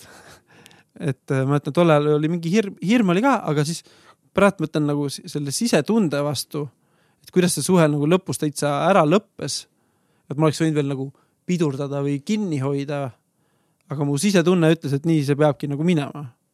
ehk siis nagu, et kas see nagu selle teema vältimine oli sisetundest, et ma ei taha tegelikult selle inimesega last saada või see oli minu hirmust selleks, et ma ei olnud valmis veel last saama. tagantjärgi mul on lihtne öelda, et ma ei olnud veel valmis ähm,. ja, ja, ja, ja ma arvan, see on see kõige raskem koht, millal on see hirmust või ongi sisetundest, et see ei ütlemine. et minu jaoks see positiivsuse ka kaasa tulla negatiivne pool on see, et äh, see on negatiivne pool asi, mis sellega kaasa tuleb, see, et äh, ma olen valmis alati kõike aitama ja ütlen kõigile asjadele jaa. aga noh, reaalsus on see, et ma ei jõua kõiki asju teha ja palju parem on mõnikord inimesele öelda ei. tantras olen ka seda õppinud. et kui vanasti ilus naine minu jaoks tuleb, küsib mult seksi, siis ma oleks kohe läinud. ja tantras ma mäletan üks väga tore töötuba, kus ma mäletan, ma veel ihalesin seda naist kaks-kolm päeva niimoodi, nii ilus naine, täiega nagu mm,, et võiks nagu temaga lihtsalt no ameleda või niimoodi, eks tuli see õhtu ja siis ta üt-, küsis mu käest, et nagu kas nagu, noh, ma ei mäleta, kuidas ta küsis, aga soovis nagu vahe, vahekorda nagu astuda ja siis ma olin nagu, esimene reaktsioon nagu jess, nagu vedas, siis ma nagu tunnetasin. siis ma ei tahagi tegelikult, et tegelikult see ei ole üldse see, mida ma tegelikult nagu tahan. sihuke tohutu õppekoht oli, ma olin ise olin veel nii rahul sellega, aga tohutu sihuke õppekoht oli et seda ma arvan, see on jälle see sisetunde teema, et kui on see arvad, et kardad või muud, et siis jälle see korraks see sisetunnetamine või maha rahustamine. et noh, peale Vipassanat on lihtne, eks ju, ma hingan, olen maha rahunenud, aga kõigepealt mine, ära torma uksest välja, aga mine korraks ole üksinda. mine kasvõi vetsupoti, vetsu, aga see aitab alati, et sa korraks võtad aega. ütled, et ma armastan ennast ja siis otsustad ära, kas sa tahad või ei taha nagu hirmud on äh, parimad õpetajad, ma arvan küll. ma olen tohutult palju hirmudes ja mingi hetk ma pöörasin niimoodi, ma otsustasin, et mul ei ole ühtegi hirmu, ma ei karda mitte kedagi. välja arvatud iseennast. nüüd ma, ehk siis ma vähemalt äh, taandasin kõik ühele ära, aga nüüd ongi nagu raskem, et äh, et äh, ongi kõige raskem vahepeal iseendaga nagu toime tulla. et nüüd ükski väline asi mind enam ei heiduta aga sisemised asjad on nagu päris rasked vahepeal ikka see on lõputu protsess, et mul on päris palju ikkagi, mitte palju, aga tuleb ikka hirme ja raskeid hetki. aga siis, kui sa oledki iseendaga kontaktis ja oma sisemusega nagu rahul, siis kõik, kogu see nagu väline maailm tuleb ka kokku kuidagi. jah. jah. ja need asjad, mis meil on vaja, et olla õnnelikud, tegelikult ei ole üldse need asjad, mis meil vaja on ja vaata no,, tegelikult on jumala hästi, et, et kõik on tegelikult on olemas, mis vaja mis sind eh, täna kõige rõõmsamaks ja õnnelikumaks teeb? esimene vastus oleks mu naine aga nagu. et mõnes mõttes mu enda. Need asjad, mis ma olen ära otsustanud. Äh, nende, et need on need asjad, mis teevad endas nagu rõõmu ja need, mis tekitavad hirmu, on need asjad, mis me oleme ära otsustanud. seesama näiteks ma vahepeal mõtlen, et tööle teeks mingisuguse suunavahetuse. selles mõttes korra aastas käib sihuke mõte läbi. see on see üksi tegemise rõõm, et vahepeal nagu kõhkled ikka, et kas see, mis ma teen, on õige ja piisavalt hea ja nii edasi, aga siis, siis jälle see otsus tuleb tagasi, et jah, ma teen edasi seda täiega, mis ma teen ja ma teen seda jumala hästi. ja siis jälle uh, hakkab jälle lendama yeah. nagu lihtsalt nagu oh väga lahe. et äh, kohe, kui on ära asjad otsustatud, siis äh, hirmud lakkavad. kas, kas sa sead endale ka mingeid eesmärke või pigem mitte mm.?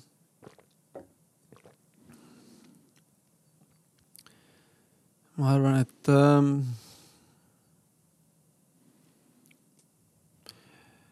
ma panen liiga suuri eesmärke endale ja ma pettun nendes kogu aeg. nagu näiteks äh,? mingi hetk mul oli see maja, majanduslik vabadus ja siis ma lugesin seda Tim Ferrise Four Hour Work Weeki. et ma panin sealt mingid asjad nagu paika, päris nagu hardcore'id nagu eesmärgid, jälle nagu tuh-tuh-tuh nagu, et ma suudan nagu kõike. millal sa seda tegid? Äh, Sri Lankal, enne okay. Vipassanat veel okay. mm. -hmm. Ja siis äh, seal noh, aega oli rohkem ja siis äh, töötlesin selle raamatu nagu täiega läbi, noh, mitte ei lugenud, vaid nagu tegin kõik asjad, mis seal nagu ütles ka. ja, aga mõtlen, et täna tegelikult see eesmärk mõnes mõttes on täitunud, et ma teen üsna vähe tunde tööd nädalas. mis on nagu töö, töö, töö. et äh, mul läheb väga palju aega enese panustamisele, enesearendamisele või suhtele, et nagu sihuke inimeseks olemiseks, ma arvan, ma reaalselt töö peale läheb mul äkki kolm, kaks päeva nädalas ja ülejäänud aja mul, ma ütlesingi, eile nagu oli raske tööpäev. võtsin jõusaali hästi põhjalikult ette. koeraga panime hullu terviseasju, vaatasin täiega üle, planeerisin järgmist nädalat või noh, seda nädalat. võtsin nagu aja endale täiesti nagu maha. et see üheksast viieni nagu ma ei kujutagi ette, kuidas inimesed nagu, mis, millal nad jõuavad nagu endaga tegeleda. ei jõuagi et äh, ja see on kõige olulisem nagu asi, et minu arust võiks esmaspäev oleks enda päev. võib-olla siis peabki mingi sunni, sunnikoht, kus sa pead tulema eh, kohale ja olema iseendaga vanasti, vana, selles mõttes nagu ma ise tegelikult, ma, mulle religioon kui selline üldse ei meeldi, noh, asutusena.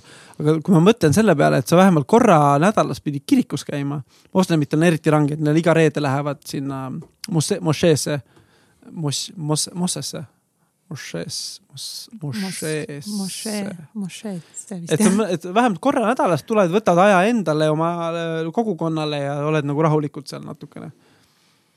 et ma vahest mõtlengi, et tegelikult moslemid on nii alahinnatud, nad kolm korda päevas minimaalselt mediteerivad põhimõtteliselt. et sa lähed põlvili, proovige ise põlvil olla, jumala, noh, ta on jalgadele päris hea.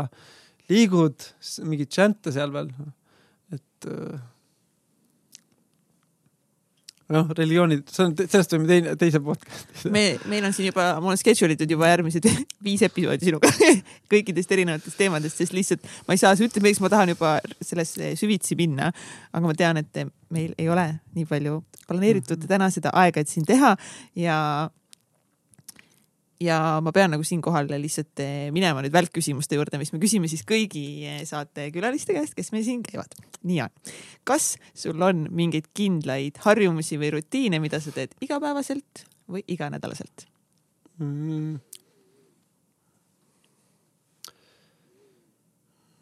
siinkohal oleks nii eeskujulik minu arust öelda, et ma iga päev mediteerin. aga ma ei tee seda iga päev iganädalaselt mm,. aga igapäevaselt äh, vist ainus rituaal, mida mul on vaja vist iga päev, on, ma lähen eriti kuuma duši alla. vedelen seal, et ähm, tänan oma elukaaslast, kes kunagi ei ole mulle seda ette heitnud aga ühesõnaga, ma olen päris kaua aega kuuma duši all, pesen ennast puhtaks ja siis keeran lõpus täiesti külma peale ja siis olen selle käes veits aega ja siis äh, nagu hoolitsen oma keha üle või äh,. et äh, see on võib-olla niisugune esimene, üks ja ainus asi, mis on nagu kindla peale iga päev. ja kui ma tunnen, kui see on päevast vahele jäänud, siis mul nagu välja minna või niimoodi hästi raske, et niisugune, see on minu enda võib-olla sihuke kui sa praegu küsid, siis mida ma teadvustan, mida ma tegelikult teen iga päev et läbi kuuma olla kehaga kontaktis, läbi külma ja pärast äh, äh, läbi enda keha puudutuse äh, olla ka enda kehaga kontaktis nagu. milles sa väga hea ei ole äh,? ei ütlemises ja piiride pidamises. mille suhtes? ükskõik mille et lähed liiga hulluks teemaga või liiga süvitsi ja liiga nagu või mis Jah. sa mõtled selle all? jah, et ma nagu, ma ei pane endale väga palju piire, kui üldse. ja mis mõnes mõttes on tore, mulle üks äh, tantraõpetaja seletas seda väga toredasti, et, et äh, kuidas veel aru saada, kas, kuidas, kuidas olla, kuidas olla nagu mehelik. et kujutage ette, et teil on nüüd see nagu, nagu kaalukauss, ei, kuidas öelda, sul on pulk, mille peal on teine pulk Mhm. üks on siis pikku, alumine pulk on pikkupidi ja selle peal on siis teine pulk äh, horisontaalselt. ja nüüd äh, mina oma siis oma tegevustega, mulle meeldib käia siin äärtes. et ma kogu aeg neid piire kombin, et võimalikult äärmustes käia, no see on minu trip. kõigile ei soovita, see on osaliselt ka väga ohtlik. ja siis äh, see meheks olemine või üldse inimesega olemine, et siis lõpuks siis aru saada, et, et ma käin nendes äärtes, et saada aru, kus on minu kese ja siis selle kese hoidmine, vot see on see kunst. et käia äärtes ära, aga tulla keskmisse tagasi, et see on nagu võib-olla see raske, aga jah, olla, et piiri, piiride pidamine ja ei ütlemine. mille üle sa oma elus kõige uhkem oled?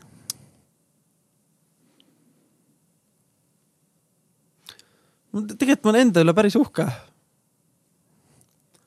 et öö,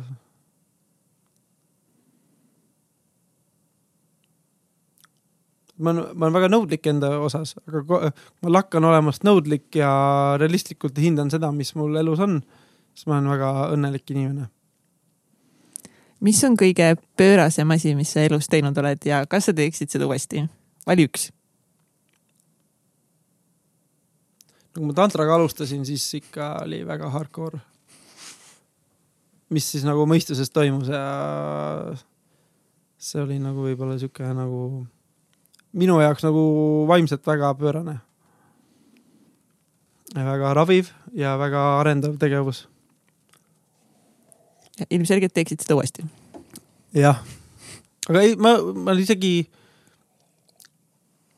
ähm,. Ma nende tant- nagu vahest nagu on nagu meelelahutuseks nagu käia, aga ma nagu siukest äh, puhtust või siukest nagu seda tantristlikku eluviisi soovin jätkata oma partneriga, mitte et mul on vaja selleks väljaspool enam midagi nagu juurde Mhm. kõik on nagu sees olemas tegelikult. Et see väline otsimine võib-olla, et see on küll läinud nagu rahulikumaks, et ei ole vaja. noh, Vipassanasse kindlasti planin uuesti minna, aga ei ole vaja kohe uut laagrit või uut seda, uut seda, et see, see pool võib-olla. skaalal ühest kümneni. kui me eelmisel, kui selleks äh,, kuule, kes mind tunnevad, mind nimetati, ma arvan, kümme aastaks hulluks Jaaniks nagu, et siis enamus mu teod olidki hullud kümme kümnest. et, et aga see ja siis mu vanad sõbrad mõnikord näevad mind näiteks, kui ma räägin ka meditatsioonist. Jaan, sa olid nii hull vanasti, miks sa nagu nii, et sa olid nii normaalne vanasti, eks ju, mis. aga see on ka hullu panemine, et sa suudad enda sisse ka vaadata minu arust. see on. kõige raskem osa tegelikult, et teadvustada endale mingeid mustreid või hirme või minna lapsepõlve tagasi, et see on ikka, see on raske, väga raske. et, et väga-väga-väga raske olnud ikka. Ja väga premeeriv. ühest kümneni, kui veider sa siis vist oled? skaalal kümme, maks veider ja üks on nagu, ma ei tea, tegelikult, kui, kui tulla selle normaalse, tava, selle päris mina juurde, siis ma olen ikka päris nagu tavaline inimene. ehk siis mis numbri sa peaksid panema? kui sa võtad, kas Toivo Freeman pilti tead tema tegemisi või? ei tea kahjuks. Okei okay., eelmises eh, podcast'is just eh, Vahuri Erkiga me ah, noh, panime ka mingid skaalad paika, et nagu, et noh, tema on nagu top, no tema on nagu kümme kümnest et nagu täitsa crazy vend, kes täna elab nagu elu ilma pangakaardita, on mingi Tais täiesti nagu aastaid tagasi mega hullu pannud ja kogenud või ei tea, mis, mis asju, tema oli nagu kümme. okei okay,, sa teda ei tea siis või tegelikult kümneks panna no no,, mõnes, ma saan nagu aru sellest, et, et see nendesse, et, et mõne jaoks on see hullu panem see, et on keegi inimene, kes on läinud mingis asjas väga äärmuslikuks. et ma olen neid äärmuseid nagu kogenud, nii erinevaid äärmusi, et minu jaoks juba see nagu, need äärmused ei ole enam nagu, see ei ole hullu panemine enam. et sa lähed mingisugusesse äärmusesse, vaid öö, minu jaoks hull on see, kes suudab tänapäeva maailmas öö, olla normaalne. see on hull ma olen nõus. Aga kui palju sa täna, kas ja kui palju sa raamatuid loed? ma olen väga laisaks läinud ja nüüd kuulan audiobook'e peamiselt. et mingi hetk mul oli see Amazoni hullus, et äh, tellisin jõhkralt raamatuid endale, mis osad on veel siiamaani läbi lugemata. aga nüüd audiobook'e kuidagi, mis arenes edasi, noh podcast idest arenes edasi audiobook ideks. ma olengi häbiväärselt vähe aega äh, podcast'e kuulanud aga audioraamatud ja Audible on see Amazoni see toode, et sealtkaudu saab päris paljudele raamatutele ligi. ja päris mugav on nagu kuulata, et äh, kuulan jah, peamiselt, aga viimasel ajal vähem jälle, et, et mul ei ole seda uut infot nii palju mm -hmm. enam vaja mm. -hmm. et viimane võib-olla olulisem raamat oli koerte kasvatuse kohta vend lihtsalt lebotab siin, koer siis lihtsalt selja peal. ta chill ib siin, tal hakkas väga mõnus vahepeal ja, ja sihuke see õppus on, et kuidas koeraga läbi saada, sest kuidas nagu loodusega, ta on nii loodusega kontaktis, et nagu koer ja õues olemine, see on nii nagu loogiline asi. ja tänu sellele ma olen hakanud ise ka palju rohkem õues käima. et, et äh, siis kuulad, et ma, et ma kuulan hoopis loodust palju rohkem. et sealt on palju rohkem vastuseid tihti. aga milline oleks võib-olla mõni siis raamat või audiobook mm, -hmm mida sa võib-olla viim-, mis on viimasel ajal sind kõige rohkem kõnetanud, mida sa soovitaksid võib-olla teistele ka?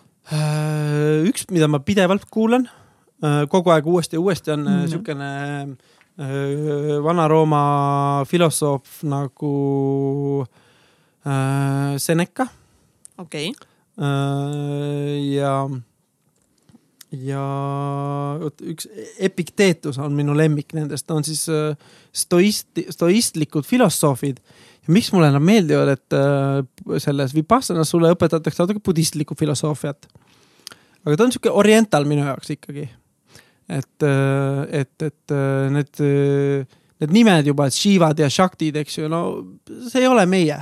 noh, me oleme, me oleme ikkagi nagu kristlikus maailmaruumis ja stoistlik filosoofia räägib nendest samadest asjadest, mida räägib minu arust, mina, see ongi, et budism, mitte ta ei räägi sulle sellest, kuidas on see kultuur või religioon.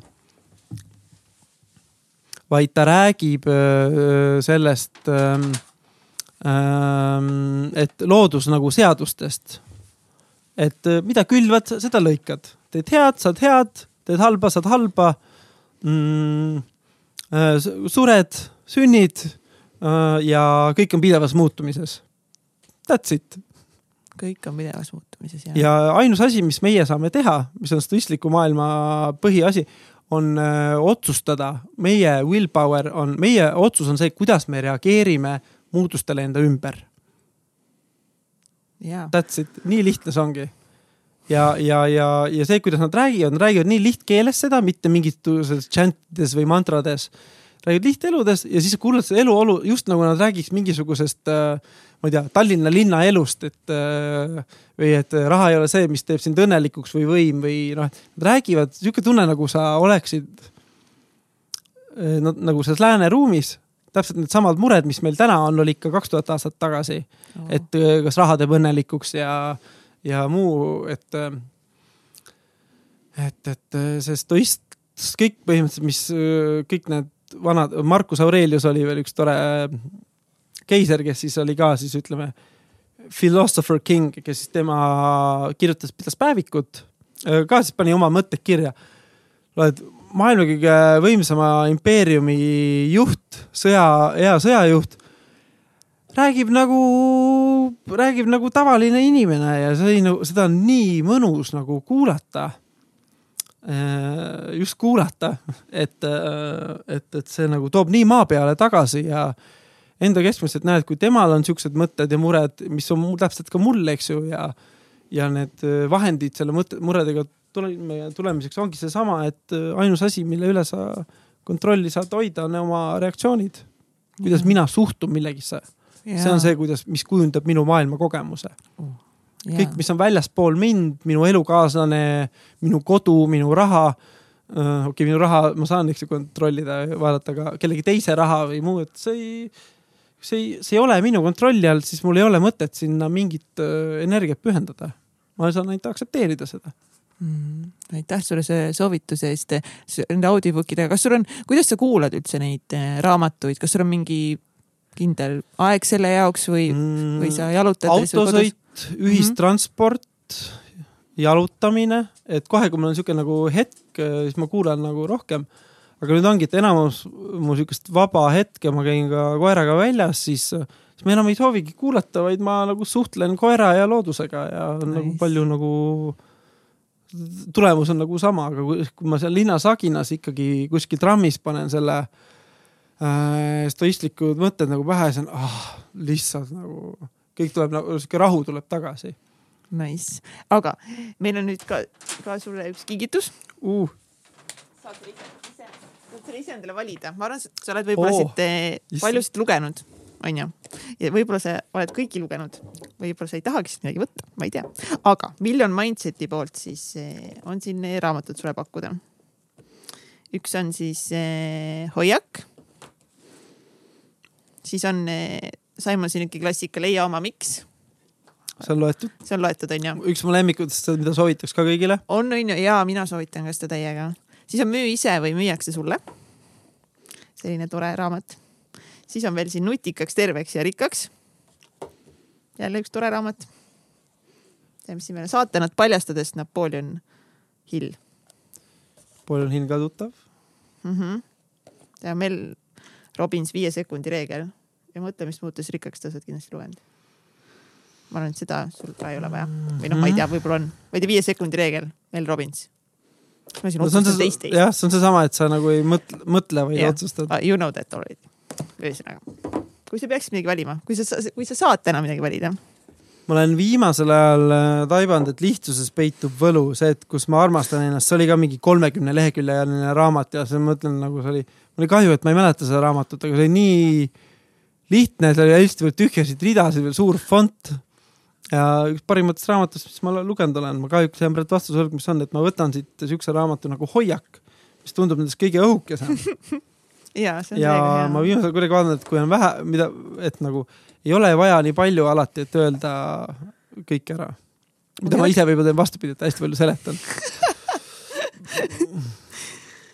uh, aitäh, Jaan. Jah, on teile ka kingitus, aga ma annan siis oh., annan siis peale oh,. mu lemmikud külalised, et kes ka kingitusi toovad, nii tore. aitäh, Jaan, aitäh sulle selle aja eest ja selle vestluse eest. ja ma hea meelega räägiks veel siia kaks tundi otsa, aga täna pole see aeg. lõppu ütleks hästi lihtsalt, ma unustasin täitsa mainida tantsimise. et lihtsalt tantsima, see on ka seotud selle rõõmu ja armastuse, enesearmastusega. pluss seal tantsimas on nagu salaja tantra ka. Aga noh, sellest ma ei hakka praegu rääkima, muidu need tantsupartnerid mõtlevad, et ma olen imelik ähm,. et jah, arma-, et äh, proovige aru saada, kuidas on teie viis ennast äh, armastada ja, ja, ja sinna nagu fookus panna. et siis kõik ülejäänud kuidagi nagu laabub iseenesest. kus meie kuulajad saavad sinu tegemistel silma peal hoida ähm.?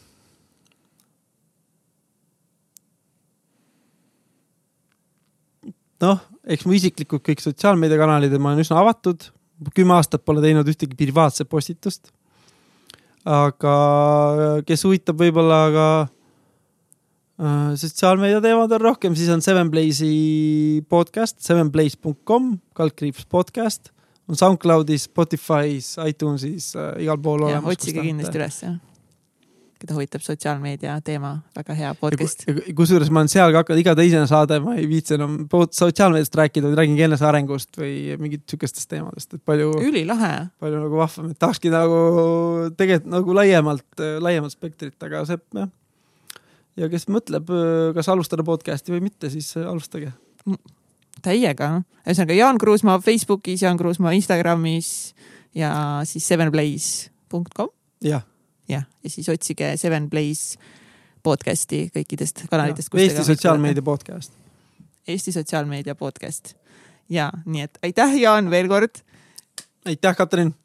nii tore, nii tore, nii tore uh! Uh! ja kui ka sind, kallis kuulaja, see see saade täna siin inspireeris ja sa said uusi mõtteid, teadmisi, siis eh, jaga seda vähemalt ühe enda eh, sõbraga et äh, ka tema saaks siit uusi häid mõtteid. ja aitäh kuulamast. tšau. aitäh, tšau.